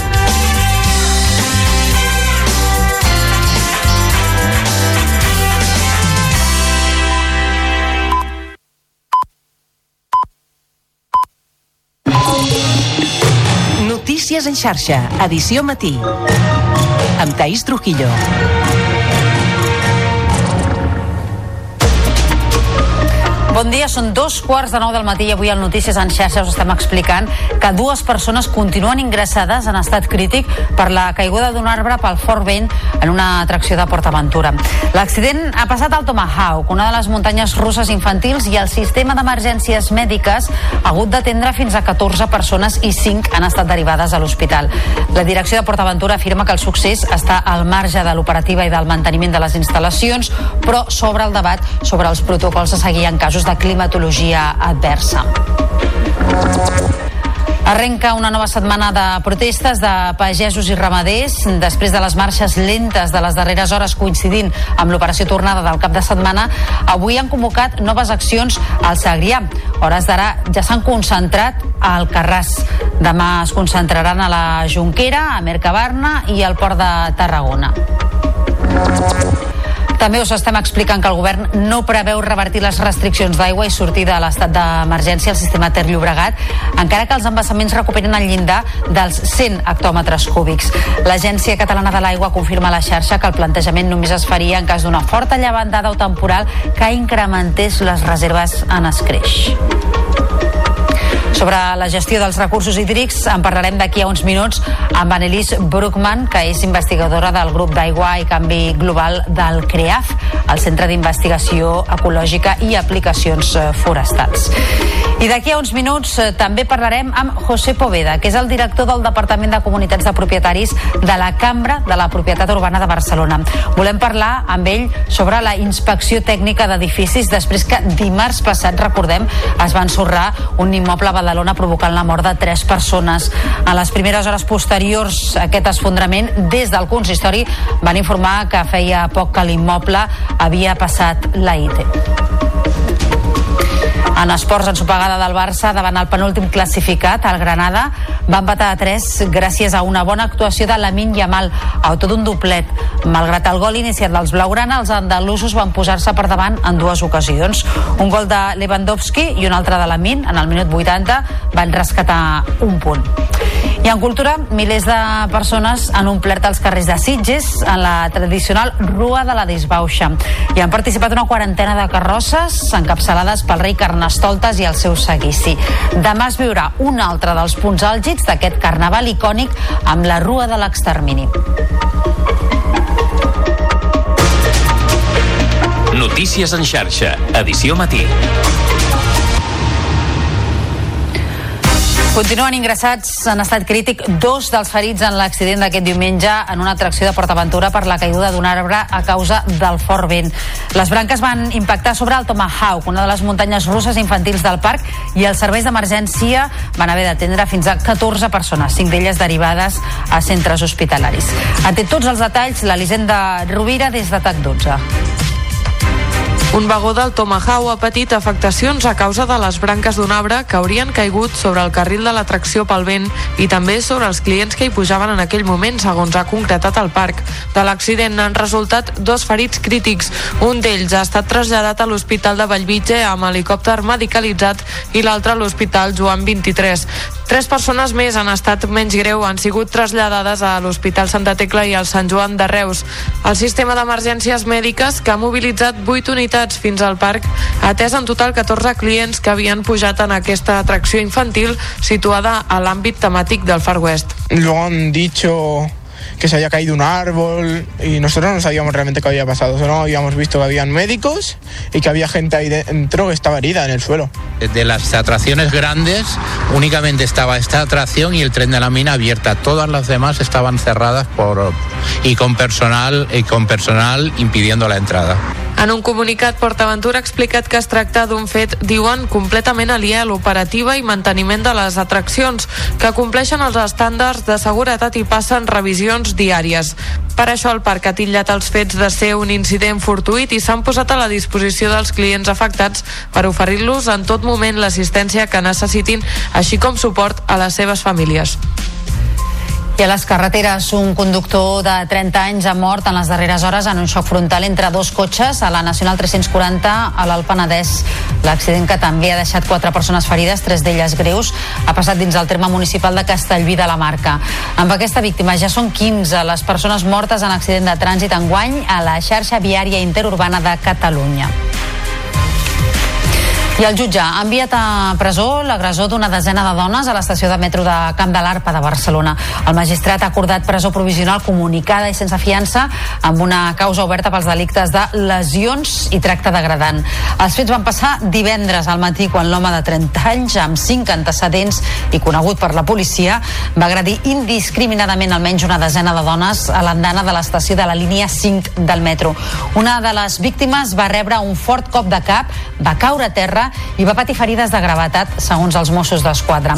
La policia afirma que només una de les dones ha presentat denúncia i anima a les altres possibles víctimes a fer el mateix, a denunciar aquests fets.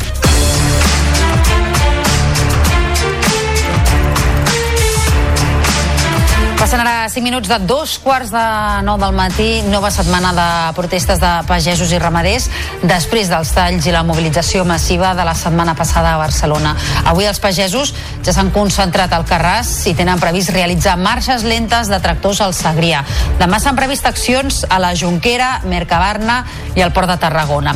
I tot plegat després que en les darreres hores desenes de tractors hagin participat en marxes lentes a carreteres com la C53 a l'Urgell, entre Anglaterra Anglesola i Tornabous a diferents punts de la C16, al Berguedà, i a la C55 al Bages. El sector adverteix que vol fets i no paraules i deixa clar que mentre res canvi, les protestes estan garantides. Ho ha dit fa pocs minuts aquí a la xarxa Joan Rius, que és portaveu dels pagesos del Bages i un dels que va interlocutar amb la presidenta del Parlament la setmana passada. Clarament amb promeses no n'hi ha prou, volem fets, volem uh, coses reals, és a dir, uh, lleis firmades o fer el que calgui, coses que hagin canviat, sobretot en quant a aquells tres punts que nosaltres vam presentar quan vam entrar al Parlament, ja que pensem que ara són els que tenen més auge, més gre són els més greus, no? i hem de gestionar uh, immediatament. Per tant, fins que no aconseguim canviar alguna d'allò, no crec que parem. El govern no preveu revertir les restriccions d'aigua i sortir de l'estat d'emergència al sistema Ter Llobregat, malgrat que els embassaments recuperen el llindar dels 100 hectòmetres cúbics. Fons de l'Agència Catalana de l'Aigua han confirmat a la xarxa que la situació només es podria revertir amb l'arribada d'una forta llevantada o d'un altre gran temporal com el Glòria. I és que les imatges captades pel satèl·lit europeu Copernicus durant els darrers set anys permeten veure com s'han anat buidant els embassaments fins a mínims històrics.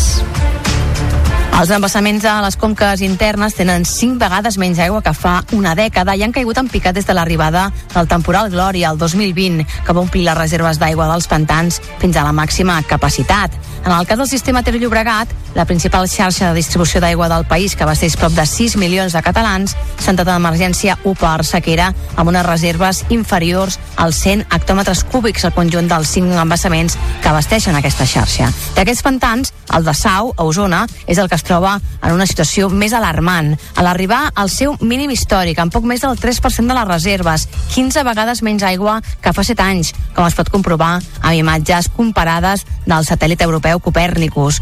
El segon embassament amb menys aigua és el de la Llosa del Cavall, al Solsonès, que es troba fregant el 17% de la seva capacitat, mentre el 2016 passava del 70%. Per contra, el pantà de Susqueda és l'únic del sistema Ter Llobregat que ha registrat lleugers increments en volum d'aigua en els darrers mesos, ja que la CAI concentra part de l'aigua procedent del pantà de Sant. I aquest dilluns la situació de les reserves d'aigua al conjunt de les conques internes se situa al 15,4%, mentre que els embassaments del sistema Ter Llobregat estan al 15,9% de la seva capacitat. No estem encara, per tant, en situació de sortida a l'emergència per sequera, tot i que arran de les protestes del sector primari s'està plantejant la possibilitat de modificar les restriccions a aquestes activitats econòmiques.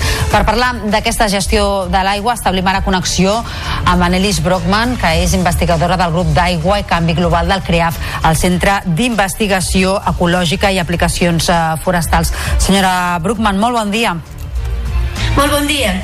A la situació en la que ens trobem actualment en fase d'emergència 1, com, com valora la, la gestió de l'aigua que s'està fent, tenint en compte que són crítics amb la gestió anterior, però amb la gestió en el moment actual, que és el que podrien dir?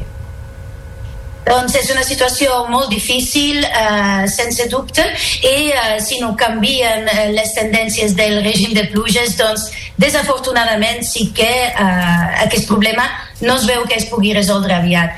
Les mesures que s'estan prenent doncs, són d'emergència, són, són, uh, són, són uh, obligades i ens estem topant amb els límits no, del, uh, del nostre sistema d'abastament. Mm -hmm. Tot plegat ve per una falta de, de, de previsió prèvia i per no haver gestionat com calia, com dèiem abans, eh, les reserves i les fonts naturals d'aigua a temps? Per mi, sobretot, per no haver gestionat les fonts naturals. No? Les fonts o el sistema hidrològic és eh, la font comuna, eh, justament. No? Eh, és, eh, tenim els estats dels rius, dels aquífers, de les zones humides en molt mal estat i eh, el sistema està crònicament sobreexplotat en temps de normalitat amb la qual quan tenim períodes de sequera eh, normals o excepcionals com aquesta, doncs clarament no tenim eh, una, un marge eh, per anar, per anar eh, satisfent les demandes. També s'ha de dir que no paren de créixer les demandes, amb la qual el desajust entre els recursos disponibles i, i la demanda doncs, eh, és desequilibrada cada dia més. Mm. Per tant, més enllà de les situacions d'emergència que s'apliquin en les properes setmanes i mesos, a llarg termini el que és important és reduir la demanda d'aigua. Com es pot aconseguir això? doncs s'ha d'aconseguir amb una millora governança, perquè com ara veiem eh, les, eh, els, els talls d'aigua o, o les reduccions eh, provoquen molts problemes a la societat.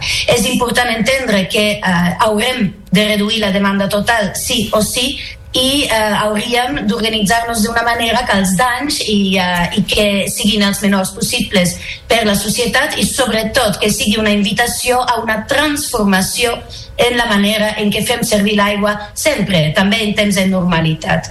Mm. Uh, jo crec que les solucions uh, tecnològiques no, d'aportar més aigua, és una gestió de l'oferta, té fortes limitacions i uh, aquesta situació que estem visquent invita tota la ciutadania a raonar i pensar en els riscos deguts a la, a, la manera que fem servir l'aigua i també al canvi climàtic. Mm -hmm.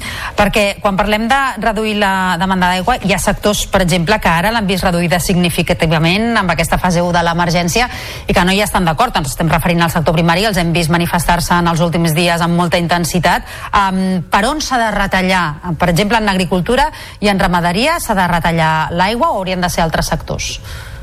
Doncs podem parlar de dues vessants. Per una banda, podem analitzar les conques, com funcionen, i doncs fer una zonificació, identificar l'impacte que cada ús té sobre el medi, i que jo crec que seria un dels criteris principals per determinar les, les retallades, de veure quines eh, reduccions realment ens ajuden a ser més, eh, més resilients a, a aquest període de sequera i després millorar la manera de prendre les decisions. No? Tenir un debat molt més eh, basat en la ciència, basat en els números, basat en quins són els valors i funcions de l'aigua en cada territori per anar eh, dibuixant un pla de gestió de sequera més elaborat, més fi.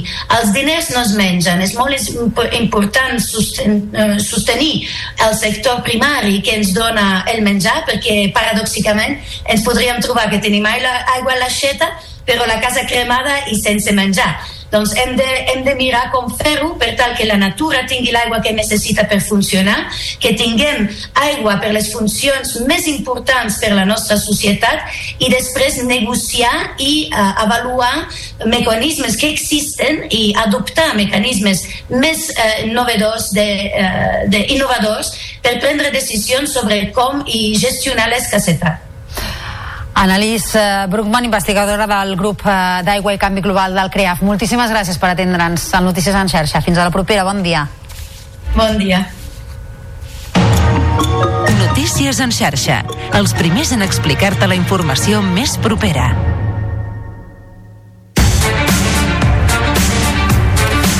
Pràcticament tres quarts de nou del matí, falta un minut, els treballadors de Danone de Parets del Vallès es manifestaran aquest matí a Barcelona contra el tancament de la planta. Són uns empleats que van rebre el suport del president Pere Aragonès divendres passat, que es va comprometre a treballar per mantenir l'activitat industrial al centre de producció, així com també els llocs de feina. Pels sindicats, el tancament de la planta no està justificat i exigeixen a Danone un pla industrial de futur. A més, defensen que aquesta decisió l'ha pres la filial a Espanya sense l'aprovació de la matriu europea Europea. Així ho explica David Caurín, que és secretari general de Comissions Obreres d'Indústria del Vallès Oriental i també del Maresme i d'Osona. No estem d'acord perquè aquesta decisió no s'ha pres a Europa. O sigui, n'hi ha un comitè europeu que aquesta decisió allà no s'ha pres. Per això encara tenim indicis de que es pot, es, es pot tirar enrere aquesta decisió. I lluitarem, lluitarem fins al final. Com recordaran, dimarts passat es va ensorrar un edifici a Badalona provocant la mort de tres persones. En les primeres hores posteriors a aquest enfondrament, des, desfondrament, des del consistori van informar que feia pocs dies que l'immoble havia passat la IT, la Inspecció Tècnica d'Edificis. Avui ens volem aturar uns minuts per parlar d'aquesta inspecció, per saber ben bé en què consisteix i quines garanties ofereix pel que fa a la seguretat i a l'estabilitat dels immobles. I en parlem amb José Poveda, que és el director del Departament de Comunitats de Propietaris de la cambra de la propietat urbana de Barcelona. Senyor Poveda, molt bon dia. Hola, molt bon dia, Taís. En quins casos ha de passar la inspecció tècnica a un edifici? Doncs eh, la inspecció tècnica dels edificis s'ha de passar quan eh, l'edifici tingui 45 anys, des de la data de construcció. Uh -huh. És a dir, ara mateix estaríem obligats a tenir aquesta eh, inspecció tècnica d'edifici tots els edificis eh, construïts abans de 1979. I diria que és una, una norma aquesta de passar la IT que en general es compleix i es controla el compliment de la mateixa? Doncs eh, estem davant d'una norma que és, de, és un decret del 2010 modificat al 2015, és a dir, pràcticament són 15 anys de- d'obligació de, de, de passar aquestes inspeccions i cada vegada més. La, la veritat és que cada vegada més n'hi ha bastant consciència de que, de que els edificis s'han de passar una, una ITV, com es diu normalment, eh, i cada vegada es passa eh, pràcticament eh, totes les comunitats de propietaris quan es planteja aquesta obligació eh, l'accepten i normalment contracten la, la redacció d'aquest informe, sí, sí. Mhm. I aquest informe um, ofereix garanties, perquè eh, eh, parlàvem ara eh, d'aquest cas de Badalona, que havia passat la IT feia molt pocs dies, i l'havia passat de forma positiva. De fet, l'arquitecte que va fer l'informe diu que no es va veure o registrar cap dany. Uh, com s'explica? Pot passar això? Doncs eh, sí pot passar perquè, perquè la inspecció tècnica de l'edifici és una inspecció visual, és a dir, el tècnic, o l'arquitecte o aparellador que fa la visita de l'immoble, eh, el que fa és una inspecció visual. Per tant, no té la possibilitat ni de, ni de fer cales, ni d'aixecar fals sostres, és a dir, no té una, una forma de comprovar realment l'estat de l'estructura. Eh, no obstant, li- la inspecció tècnica de l'edifici et dona bastantes garanties de que l'edifici està en molt bones condicions. És a dir, jo crec que el que ha passat a Badalona és molt, molt, molt excepcional. Eh, clar, no, això no, no és lo habitual. Si passa una inspecció tècnica a l'edifici, es detecten si n'hi ha deficiències greus, importants, eh, és, és, és sorprenent, és sorprenent eh, que, amb, que amb la, la IT eh, com, com tenia aquest edifici, que era sense cap mena de defecte, pugui, pu- pugui enfonsar-se d'aquesta manera. La veritat és que és sorprenent. Sí. Són inspeccions eh, visuals, com deia, això és una limitació? Hauria la IT de poder fer un altre tipus de proves, de tests per saber si hi ha alguna deficiència estructural, més enllà del que pugui veure l'ull de l'arquitecte que fa la visita? Home, si, si l'arquitecte tingués la possibilitat de quan detecta alguna qüestió que li sembla una mica preocupant de- d'ordenar aquestes cales, de retirar aquest fals sostre per fer una comprovació més exacta de les vigues, doncs seria millor, seria molt millor. Eh, la realitat és que a data d'avui l'informe no, no obliga la propietat a, a fer aquesta, a, aquesta inspecció més important de, de fer cales o d'inspeccionar les vigues. Això vol dir que no és obligatori, però que la, la propietat sempre pot, pot, li pot dir al tècnic mira, si tens alguna mena de dubte, anem a, anar una mica més cap endavant. Estem parlant de lo que, lo que és obligatori en funció del text del Real Decret de la IT. José Poveda, director del Departament de Comunitats de Propietaris de la Cambra de la Propietat Urbana de Barcelona. Gràcies per atendre'ns aquest matí al Notícies en xarxa. Molt bon dia. Fins a la propera. Molt bé, molt bé. Gràcies, gràcies a vosaltres.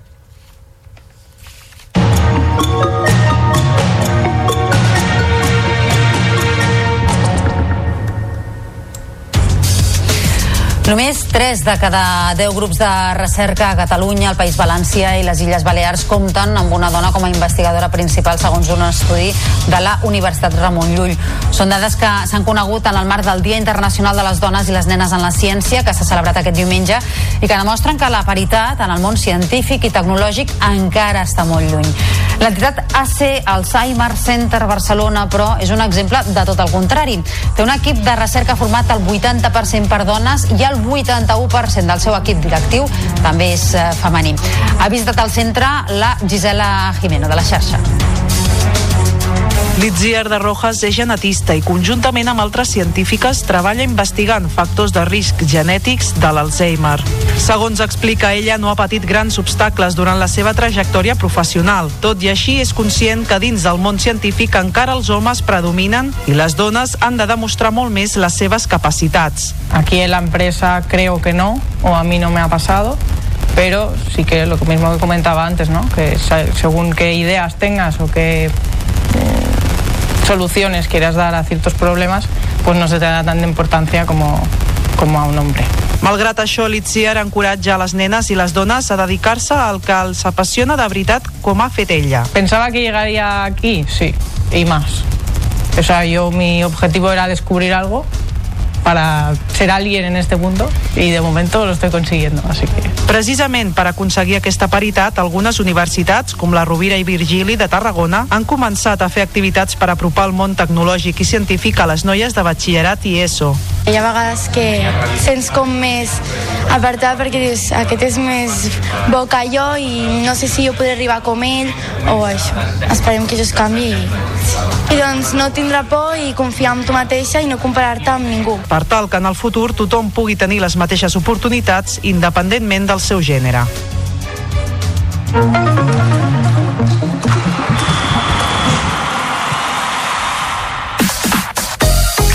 Falten 8 minuts per les 9 del matí. Repassem l'actualitat esportiva. Cristina, molt bon dia. Ensopegada del Barça davant el penúltim classificat, el Granada. Sí, va empatar 3 a Montjuïc amb una bona actuació de Lamin Yamal. El mataroní va avançar els blaugranes abans del quart d'hora de joc, però els andalusos van remuntar i van capgirar el marcador posant-se per davant en dues ocasions. Un gol de Lewandowski i un altre de Lamin Yamal ja al tram final van aconseguir salvar un punt per als blaugranes que els serveix de ben poc, els de Xavi Hernández. El tècnic apuntava els errors en defensa.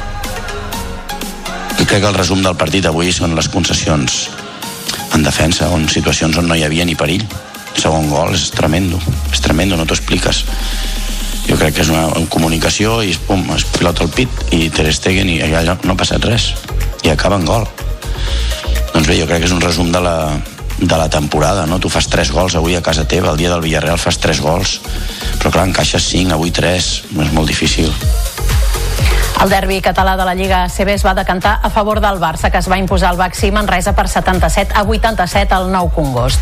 Tot i que el primer quart va ser de domini blaugrana, la gran defensa dels de Pedro Martínez i el domini en el rebot ofensiu va posar força problemes als de Roger Grimau, que en cap moment van aconseguir tancar el partit, tot i arribar a una màxima diferència de 16 punts. L'encert en triples i la bona feina de Javari Parker amb 15 punts i del base Thomas Satoransky també amb 15 punts i un 24 de valoració classificació van decantar la balança per al Barça. Tots dos equips es tornaran a veure les cares divendres en els quarts de final de la Copa del Rei.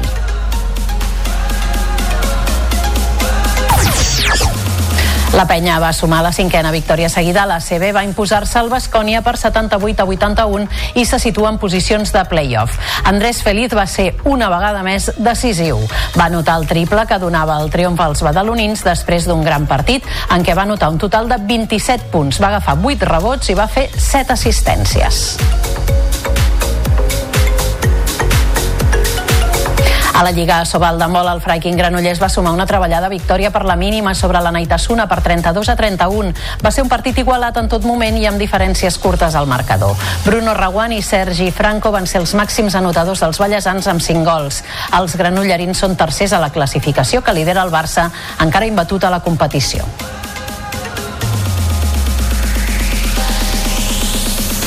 El Barça obre més forat al capdavant de la classificació de l'Hockey Lliga. L'empat del Noi amb el Reus permet als blaugranes ampliar fins als 18 punts l'avantatge sobre els de Sant Sadurní.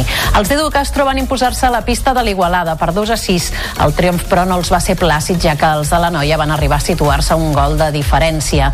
En el tram final, però, les dianes de Pau Bargalló i Joao Rodríguez van sentenciar el partit. Els blaugranes sumen 52 jornades invictes a l'Hockey Lliga i igualen així el millor registre històric. El jugador de l'Igualada, Guillem Guillem Torrents i el blaugrana Sergi Llorca analitzaven el partit. L'important és que lluitat tot el partit. Qui miri el resultat sense veure el partit no, no és just. Per sensacions, per haver lluitat, per no decaure en cap moment del partit. Doncs al final ens emportem aquestes bones uh, coses. Ha sigut un partit molt ajustat, uh, molt dur també, crec que s'ha competit, han competit molt bé l'Igualada i nosaltres hem fet el, el nostre partit, uh, al final Uh, juguem uh, 50 minuts, uh, hem estat molt, molt intensos en aquests, en aquests 50 minuts i com dic, doncs al final hem pogut ampliar el marcador, però bueno, contents per, pel joc. I el Girona i el Sant Celoni són els campions de les Copes Generalitat d'hoquei. Els ballesans es van imposar al Barça en la final masculina per 3 a 1 amb gols d'Àlex Arevalo, Joel Roma i Nil Folguera. Per altra banda, el conjunt gironí es va endur el trofeu en categoria femenina amb una victòria per la mínima sobre el Vigues i Riells amb un gol d'Ivet Jiménez. Aquestes finals es van jugar ahir al pavelló de Can Violí de la Garriga. Gràcies, Cristina. Fins demà. Fins demà. Nosaltres ara obrim plana cultural explicant-vos que encapçalada pel rei Carnestoltes, Big Mac Sigalupi, va tenir lloc a Sitges la Rua de la Disbauxa, que va omplir el centre de població amb unes 40 carrosses amb més de 2.000 participants. Milers de persones on no hi van faltar vestits amb lluentons, plomes i extravagàncies de tota mena en una de les cites més multitudinàries del carnaval català més internacional. Així ens acomiadem per avui. Tornem demà a primera hora. Bon dilluns.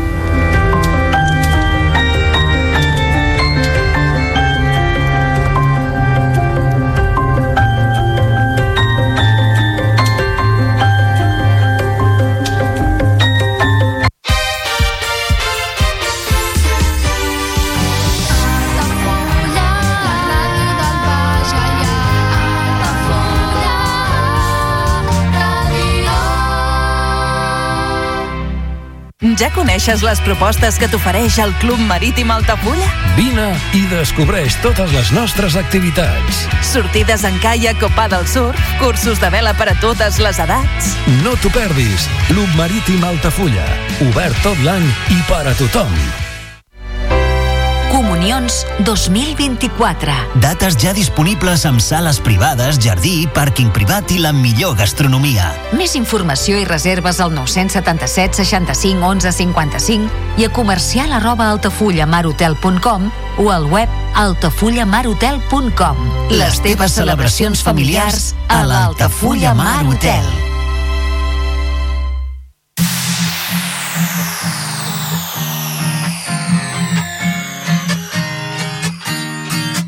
Sé que si caic m'alces de seguida. Eres tu sempre la que em cura la ferida. Eres purpurina com estel sobre la nit. Eres el blau del cel pel matí. Quan el meu plor banya tot el present Tens la paraula precisa per a cada moment. La brisa fresca que em renova com la mar L'alè que m'enlaira quan no puc volar Ens menjarem el món. Farem una festa Espantes la por. Calmes la tempesta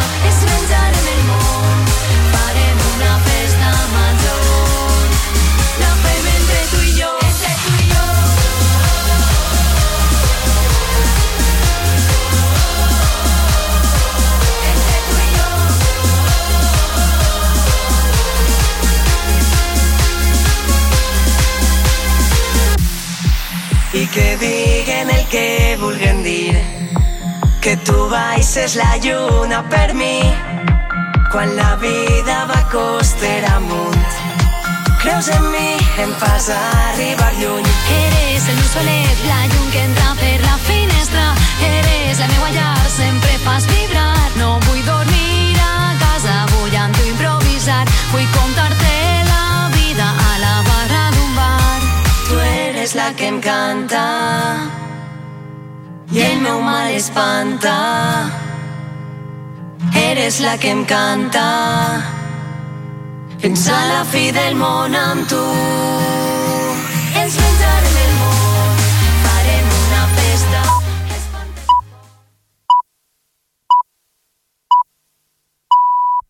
Són les 9 del matí.